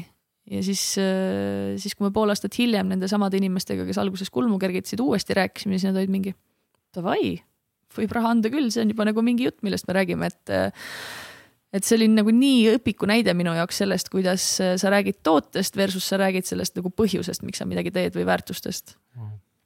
ja see ei näe välja nagu auto et igaks juhuks nagu mainin seda ära, et kui te ei ole nagu veebilehele läinud või guugeldanud, siis ja me ütleme auto, see ei näe välja nagu auto, see näeb välja nagu hästi suur seep, millel on rattad ja aknad. oh aga see on väga voolujooneline ja väga efektiivne. Jah, ja kuskil isegi vahva lause, et see on kahe veekeedukannu võimsusega auto, ma ei tea, kas see enam vastab tõele. peaks nii olema jah ta on ikka nagu väga efektiivne, aga noh, mida praegu on vähe, on äh, testimisaega, et me noh, jälle nagu tagantjärele tarkus, millest on, ma arvan, ka mõistlik rääkida, on see, et me oleme ka pikalt rääkinud, et kui pikk on selle auto sõiduulatus või kui suur äh, või siis, mis meil seal veel on. mis on tippkiirus, kõik need numbrid, mida me nagu arvutuslikult äh, julgesime välja lubada, siis tegelikult nagu mida sa lubad asju välja enne, kui sa ei ole päriselt testinud et juba see kommunikatsiooni vahe, et ma tegelikult ütlen, et arvutuslikult see peaks olema see, aga me pole veel testinud, testime, saame teada. et praegu jälle mu korraks nagu võttis jala värisema, et me oleme öelnud juba neid numbreid välja, ole, olemata ise seda veel ikkagi sellisel kujul oota, mis need testinud. numbrid siis on? makskiirus mingi sada nelikümmend ja sõiduulatus äkki oli mingi tuhat või tuhat kakssada et, et aga noh, ilmselt nagu praeguses ajahetkes see ei vasta veel tõele ja siis sa mõtledki, et nüüd on juba kõik pekkis, me oleme need välja öelnud, nüüd me ei ole enam tõsiseltvõetavad, nüüd me oleme fail inud, kui meil täna neid numbreid ei ole, on ju, ja siis jälle nagu insenerid on ka mingi, et fuck, nüüd on pekkis, nüüd ongi nagu ma ei tea, mast on maas ja enam pole midagi teha. siis mõtled, et tegelikult kas ikka on, et nagu jah, okei okay., ütlesime, arvasime õppisime sellest ja tegelikult nüüd saame aru, et, et võib-olla polekski pidanud nii julgeid veksleid kohe välja käima, aga kogu see hooaeg ongi selline olnud, et me arvame, et läheb nii, aga tegelikult läheb nagu täiesti teistmoodi ja kõik asjad on nagu. aga kui suur see nagu siis see reaalsuse ja see nagu vahe on, see expectation versus nagu reality siis? no ongi, me oleme nii vähe testinud, et ma veel ei oska sulle veel öelda. auto jõuab Marokosse homme äkki või, et siis seal tulevad nüüd äh, põhitestsõidud, et, äh, et siin ei olnud ju enam eriti päikest ka, millega testida, kui meil auto valmis sai lõpuks, et. autos ei ole õhukonditsioneeri ka, ma kuulsin sealt saatest ja Marokos on väga soe Austraalias saab ka kuum olema. jah, et see on ka muidugi teine asi, et inimesed üldse nagu vaimselt tegelikult vastu peavad, et see on füüsiliselt kindlasti raske katsumus, aga ka vaimselt kui kestvussõitu teha väga rasketes tingimustes, siis äh, ma ei taha selle piloodi nahas võib-olla olla väga ise näiteks. mis see, see failure culture teie ettevõttes on, milline? Äh, kuidas te. Failure culture. jah, täpselt, kuidas te lahendate? oh, vabandust, ma siin inglise keeles räägin. kuidas teil täitsa pekkis kultuur on ma räägin, äh, see on väga erinev ilmselt inimeseti, sest äh, nagu mul on lihtsam endal lasta minna või nagu öeldagi, et okei okay,, läks pekki, õppisime sellest ja tegelikult on okei okay. et kuigi sa ikkagi põed, mis saab ja kui see hetk on lõpuks käes, natukene mõtled, siis noh, mis siis on, me jälle õppisime sellest ja kogu see projekt on nagu kõik ongi seotud ja õppimise ja kogemustega, et kui kõik läheks väga latuselt, siis kui palju me tegelikult selle raames midagi õpiksime ja noh, samamoodi olles nagu sponsoritelt seda tagasi saanud, et keegi ei oota teilt nagu täiuslikkust esimese ega teise ega isegi võib-olla kolmanda hooajaga, et te peate juba nagu täiesti tippude tipud olema, et et minu meelest me peaksimegi või oleksime pidanud juba aasta algusest saadik tegelikult palju avatumalt ja julgemalt kommunikeerima seda, et kui meil nagu pool aastat akud istusid UK-s kinni, sest me ostsime need e-base'ist kasutatud Tesla akumoodulid, tuli Brexit. Äh, polnud dokumentatsioon korras, pidime dokumendid äh, korda ajama, kõik logistikafirmad ütlesid, et neid ei ole võimalik kätte saada, müüge e-base maha, ostke mingid uued meie logistik lõpuks ikkagi nagu leidis lahenduse, kuidas need akud meieni jõudsid pool aastat hiljem sama wow. kaua, no sama kaua ootasime mootoreid, sest me lihtsalt ei saa neid Austraaliast kätte, enne me ei saanud nagu mingeid asju üldse testima hakata. kõikvõimalikud tarneraskused, elektroonikat on puudu, tudengid põlevad läbi ja on täiesti hallid peast juba sellepärast, et nad peavad seal koroona lockdown'is istuma mingisuguste keeruliste küsimuste otsas, ilma et keegi neid toetaks, ilma et nad oleks oma meeskonda näinud nagu neid igasuguseid probleeme ja takistusi meie teel on ülipalju olnud äh, märtsikuus tuleb uudis, et mm, sorry, oktoobris toimuma pidanud Austraalia võistlus jääb ära, ei saagi minna sinna võistlema, et oma autot proovile panna. noh, okei okay,, aga lähme siis edasi.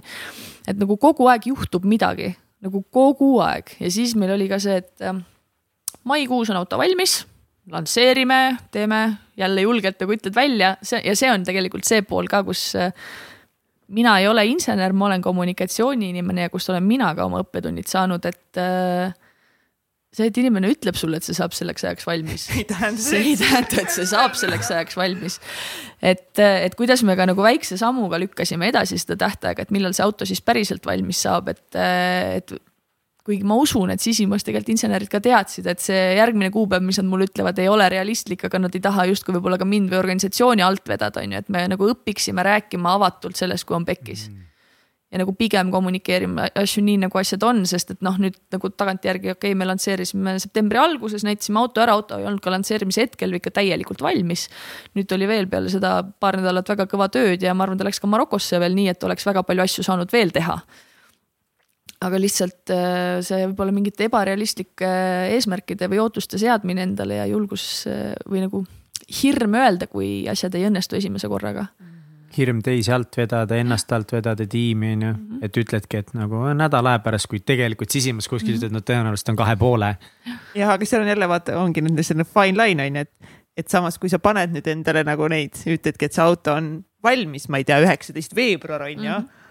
Versus see, et sa ütled kohe, et see on valmis mingi üheksateist juuni on ju et siis noh, siis. võib-olla ei ole siis üheksateist juuni ka valmis. täpselt on ju, et kus on see nagu fine, et, et see ongi, sa panedki mingi eesmärgi, mis ongi sihuke nagu, nagu Elon Musk ütleb, on ju oma stretch goal'id, et sa panedki mm. nagu noh, et sa nagu noh, et sa ei lase ennast nagu lõdvaks, vaid mm -hmm. sa nagu mhm. push idki selle nagu, et ja siis veel anname, veel teeme, on ju. ja siis aga versus ongi nagu see, et noh, siis panedki üle ja töötad segaseks -hmm. ja aga no ma ütlen nagu uuel hooajal kindlasti nagu selleks on vaja jälle nagu sise, sisemiselt ka tööd teha meeskonnas, aga et me kui me ei räägi nendest asjadest, mis on pekkis yeah., siis keda me inspireerime, meie eesmärk on ju ka väljapoole noori inspireerida ja julgustada ja näidata, et me kõik nagu keerame asju tuksi ja me ei oska kõiki asju, sest et nagu veidi on väljapoole ikkagi jäänud see kuvand Solaridist ka, et. noh, seal ongi nüüd need nagu mingid ajud koos, et äh, need ju oskavad kõike ja nagu ainult nagu mingi, kõik läheb ülihästi ja, ja me näeme ka nagu värbamisel seda, et inimesed ei julge kandideerida, sest nad arvavad, et nad ei ole piisavalt head kuigi tegelikult nad väga hästi võiksid sellesse tiimi sobituda ja, ja absoluutselt on väga head. et, et kui sa lood jälle selle liiga ilustatud pildi endast, siis äh, lõpuks ei võida keegi sellest midagi.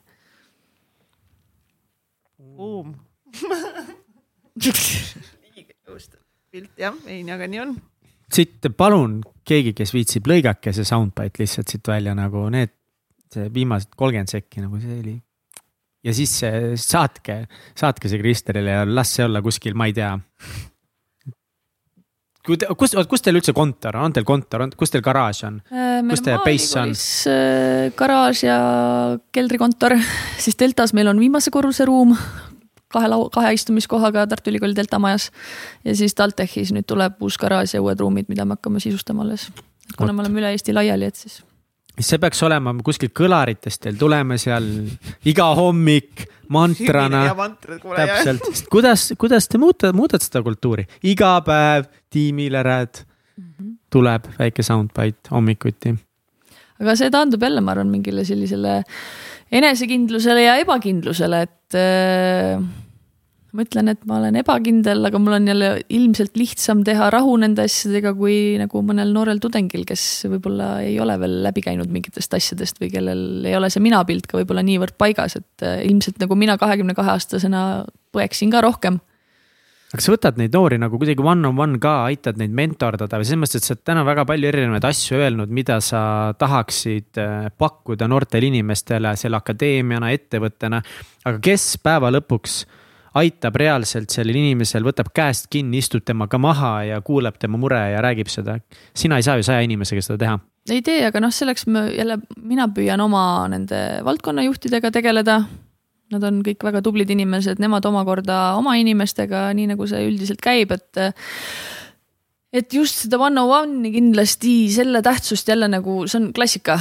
Noh, kõik muud asjad on olulisemad, kui et mis me siin nädalast nädalasse midagi jutustame või kuust kuusse, et ma tegelikult olen kursis, mis sa teed, aga see, et sa võtad iga oma tiimiliikme jaoks päriselt aja ja arutad nendega, et nagu see peab kindlasti oluliselt tugevamalt tulema nüüd pilti kõikide tiimijuhtide puhul ja, ja me nüüd panustamegi uuel hooajal ka juhtidesse oluliselt rohkem, sest et sealt hakkab jälle kõik pihta, et meil tulebki akadeemia sees nagu eraldi haru ongi see juhtide arenguprogramm, kus me keskendume kõikidele põhikompetentsidele ja juhi, juhi rollile uh,. mega. Kas saab kandideerida?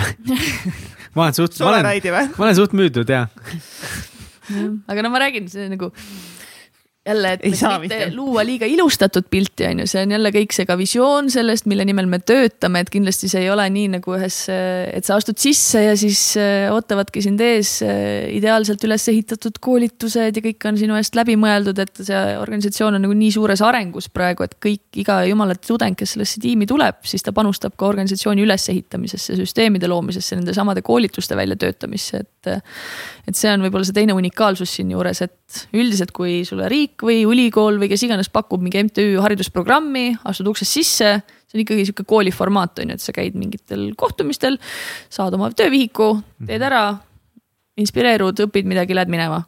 et siis siin sa ehitad selle kõik ise üles.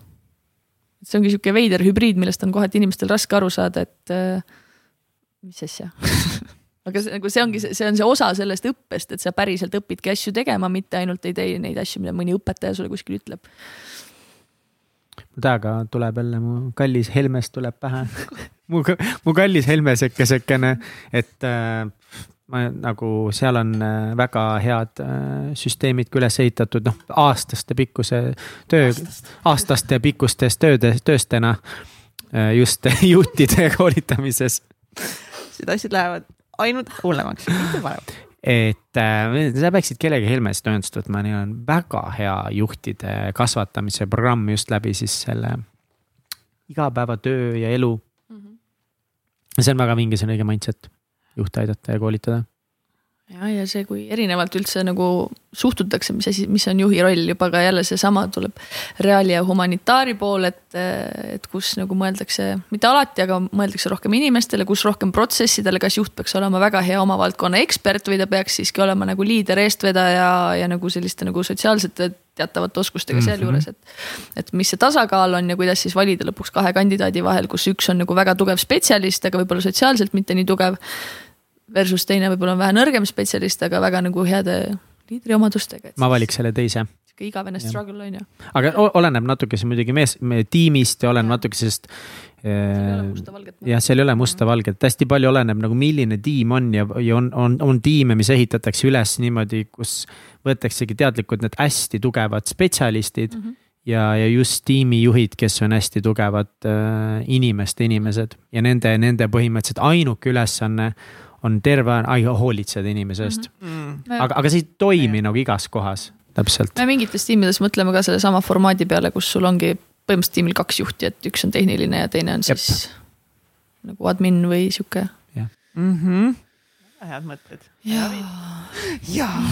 Kutten. jaa, nii. kas me tahame. Here I go again, mingi tuhat viissada uut eesmärki veel juures nagu asjadel, mida teha paremini ja ja kuidas, aga see ongi, ega see, ega see areng ongi nagu never ending meil, noh, selles mõttes, siis sa jõuad jälle kuskile on ju, siis sealt tulevad uued väljakutsed, uued arengud, uued asjad, noh. ja no ma jätkuvalt ikkagi usun sellesse, et eh, kui sul on kõrged eesmärgid ja sa teed neist nagu mingi Muidugi. kaks kolmandikku ära, siis on ikka hästi jah, peaasi, et eh, ennast selle juures ära ei unusta täitsa, on ju. ja mis me siis kokku leppisime. Ehm, võtame kokku. väga hea, Kristel, milles me kokku leppisime, nii, go for it enne kella kümmet kättesaadav ei ole, käin trennis ära või teen midagi, midagi muud eh, naiseliku energia heaks hingele, iseendale. see ei ta... tähenda nõude pesemist, pesu voltimist eh, midagi muud, on ju. täpselt. mis täpselt. on nagu väga suur lõks kui sa ei hakka tööd tegema kodus kohe nii, mis seal veel oli siis? siis viis, äh, oota, kuidas see nädal nüüd on, siis mõtlesin, et nagu räägime, kui me räägime ikka töönädalast, laps käib lasteaias viis mm -hmm. päeva nädalas, ma saan aru, on ju, mul ei ole lapsi, täpsustame selle on ju, siis kui ta ei ole haige või mingid muud asjad no,, räägime nagu niimoodi, nii. siis sul on viis päeva nädalas, kus sa oled kättesaadav alates kella kümnest mm. -hmm. Mm -hmm. siis nädalavahetustega üldiselt püüaks nii, et ma nädalavahetusel midagi ei tee, sest ma teen nädalavahetusel väga palju, välja arvatud siis need mõned korrad, kui meil tõesti on mingid suured ja olulised meeskonnaüritused või tegevused, kus ma pean kohal olema. aga neid ei saa olla iga nädalavahetus, sest et on viis valdkonda ja juhatus ka veel ja kui igale poole on vaja mingid strateegiapäevad toppida. nii. väga hea, kuule, see on juba super. alustame sellest. See... jah, rohkem teed ei olegi vaja ju ei olegi see, et juba, et sa võtad enamus hommikud iseendale aega on ju, kaks tundi mm. -hmm. Boom. no püüame. Boom ja nüüd, kui kaua sa mõtled siis nüüd teha seda, meil on ikka vaja mingit commitment'i ka on ju, vähemalt, kui kaua? kuni no., kuni kats küsib su käest siis kuni see ükskord ütleb nagu mulle. päris rutiin olla, nii et see toimikski juba nagu pikalt. nii, aga võtame mingi ees, paneme ikka nagu noh. paneme, need... proovime, proovime aasta lõpuni alustuseks väga hea eesmärk nice,. väga hea. ja kes, kes Solaride'is täpselt on need äh, kaks-kolm inimest, kes aeg-ajalt sinu käest peavad küsima seda? no Karl Tanel tõenäoliselt kuulab, nii et see võiks üks olla Karl Tanel. Shout out. kui sa oled siiamaani Karl Tanel vastu pidanud, siis parem oleks sealt küsima, me pärast ütleme Karl Tanel täpselt mm.. nii. ja ma arvan, et personalijuhina meil Alice niikuinii hoiab mul silma peal, nii et, et Alice on Alice, pane kirja tööülesannetesse, ma loodan, et see on kõige esimesel kohal. absoluutselt. ja Alice, äh, räägime järgmine kord sinust siis, sinuga nendest samadest asjadest, et äh, ma ei ole mitte ainuke, kes struggle ib samade teemadega, nii et kala hakkab mädanema peast. täpselt täpselt nii ongi kõik saab alguse sinust endast. iga kord, kui meil midagi valesti on, siis ma vaatan katsi peale, ei no see kala hakkab ikka peast mädanema no,. Ei... aga see on nii, sa saad ka iga asjaga ainult endale peeglisse vaadata ükskõik, mis su elus toimub, see tiim mm, -hmm. ükskõik, kõik on peegel, nii et nagu boom. kas sa soovid veel midagi oma tiimile öelda, lähedastele, sõpradele, Need olid tänuminutid, tänuminut? tänu, tänuminutid, Kristel, keda sa soovid oma elus tänada? kui te nüüd niimoodi küsite ja mõtle ei mitte kedagi, siis oleks nagu veits fail onju. ei, see oleks päris lahe, see oleks julge, see oleks bold move. peale iseenda, mitte kedagi. Ja ma tulen sealt mehelikust energiast ära yeah. ja tegelikult äh, ei oleks mind, kui ei oleks seda seltskonda seal ümber, nii et äh, kogu Solaride'i tiim ja meiega seotud inimesed äh,, täiesti hullumeelne kamp ja mehele ka suur tänu, et ta on äh, vastu pidanud kõige selle hullusega, mis siin on viimasel ajal toimunud ja et me suudame siiamaani asjadest rääkida, kui midagi hakkab pekki minema, et. ja sinu suur ülesanne on vaadata, et Kristel hommikuti need oma asjad seal niimoodi noh, ei hakka seal. Me pole mitte kunagi nii palju ülesandeid jaganud saate jooksul. mul on väga hea meel, ma arvan, et see on mingi uus asi, mida me hakkame tegema. me hakkame täiega me hakkame. täiega tegema Te seda. peate tegema siia mingisuguse board'i ka siis, kus te panete Board'i? kirja. oh my god, kui hea mõte, see on nii hea mõte kes Ma kirjutan saate korra, mis toimus, siis Mihkel lihtsalt lepitas kätega pea kohal, silmade kohal, kõhu kohal, igal pool ja oli väga excited sellest mõttest, et, et me teeme board'i sinna ja hakkame mingeid asju kirja panema. mida Ja te- kõik teevad siin saates. ja teid ma tahan ka täiega tänada, sest et äh, Oo. üliäge kuulamine, enam ma autos, autoga sõites midagi muud väga ei kuula. see on sihuke mõnus äh, saade alati ja see, et ma lõpuks ka siia Oo. jõudsin, on ülikihvt. täiega, väga lõbus. samad sõnad. Yes. Täiega tänu, nüüd ma saan aru, et me saame ilmselgelt palju lähedasemaks, me hakkame nüüd kogu aeg kontrollima, kas Kristel siin ikka iganädalaselt on aega võtnud. mina ei hakka, ma ütlen kohe ära, ma ei hakka kordajaid kontrollima sind. mina kindlalt hakkan, mina kindlalt hakkan, sest mul, see on täiega oluline, mul läheb täiega korda. selle jaoks ma valisingi need inimesed sealt Solaroidist välja, kes tegema hakkavad. Solaroidist, mine metsa kats, ma ütlesin alguses Solaroid, ma ei olnud mingi, no. Vau, aga kuidas, kusjuures see kurat see Solaroid on palju keelepäras.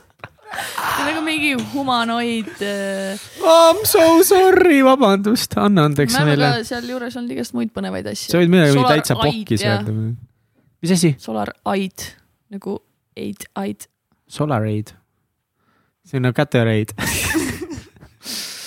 Solaris ja, ja mis seal veel on? Solaris või? no seal tuleb kindlalt mingi go to gates, ma ütlen kohe ära. ja, igast värke on olnud jah. No Solar on ikkagist noh, selles Mhm. mõttes ju. Solaride, Solaride. Solaride, ma ütlen Solaride, mis sa, mis ma öelnud, Solaroid ma ütlesin. Solaride, ütlesin Solaride. mis ma ütlesin? kui sa kiiresti ütled, Solareid. sa ütledki, siis tegelikult sa ei saa aru, kas sa ütled äh, Solaroid või Solareid. kuule, lähme, lähme koju ära, lähme koju ära. ma lähen nüüd oma Solaride'i tüdrukutega kohvikusse. Nice, tervitan neid meie poolt. Jah. Täiega shout out ja ütle, et nad kindlasti saad, saadet kuulaksid.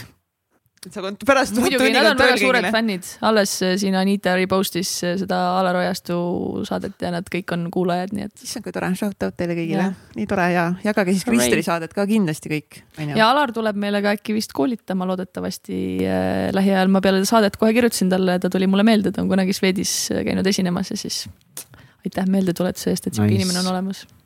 kus, kus täpselt saab teie tegemistel silma peal hoida? Äh, sotsiaalmeedias, veebis on praegu vana info, seda me hakkame uuendama, nii et mõne aja pärast on veeb kõige adekvaatsem seal, akadeemiast ei ole kuskil väga palju juttu, sest see on uue hooaja teema, aga no Instas on praegu kõige rohkem sellist äh, Maroko content'i. tiim Solaride, jess. minge kõik Instagramis jälgima. kõik follow ge täiega, kuulete kõik, minge follow ge, minge toetage, please. Minu palve teile. täitsa, täitsa väike, sa oled follow nad, buum. ma hakkasin ka follow ma. aitäh sulle, aitäh täiega väga lõbus oli. täiega. Teiega oli ka tore ja nii tore oli äh, näha Davidit siin äh, ukse sisse astudes Solaride'i sokkides. see oli nagu tore kokkusattumus. sa lihtsalt pidid täna siin olema, see oli mõeldud nii minema. absoluutselt. okei okay,, tõmbame otsad siis kokku, muidu me. tšau. tšau.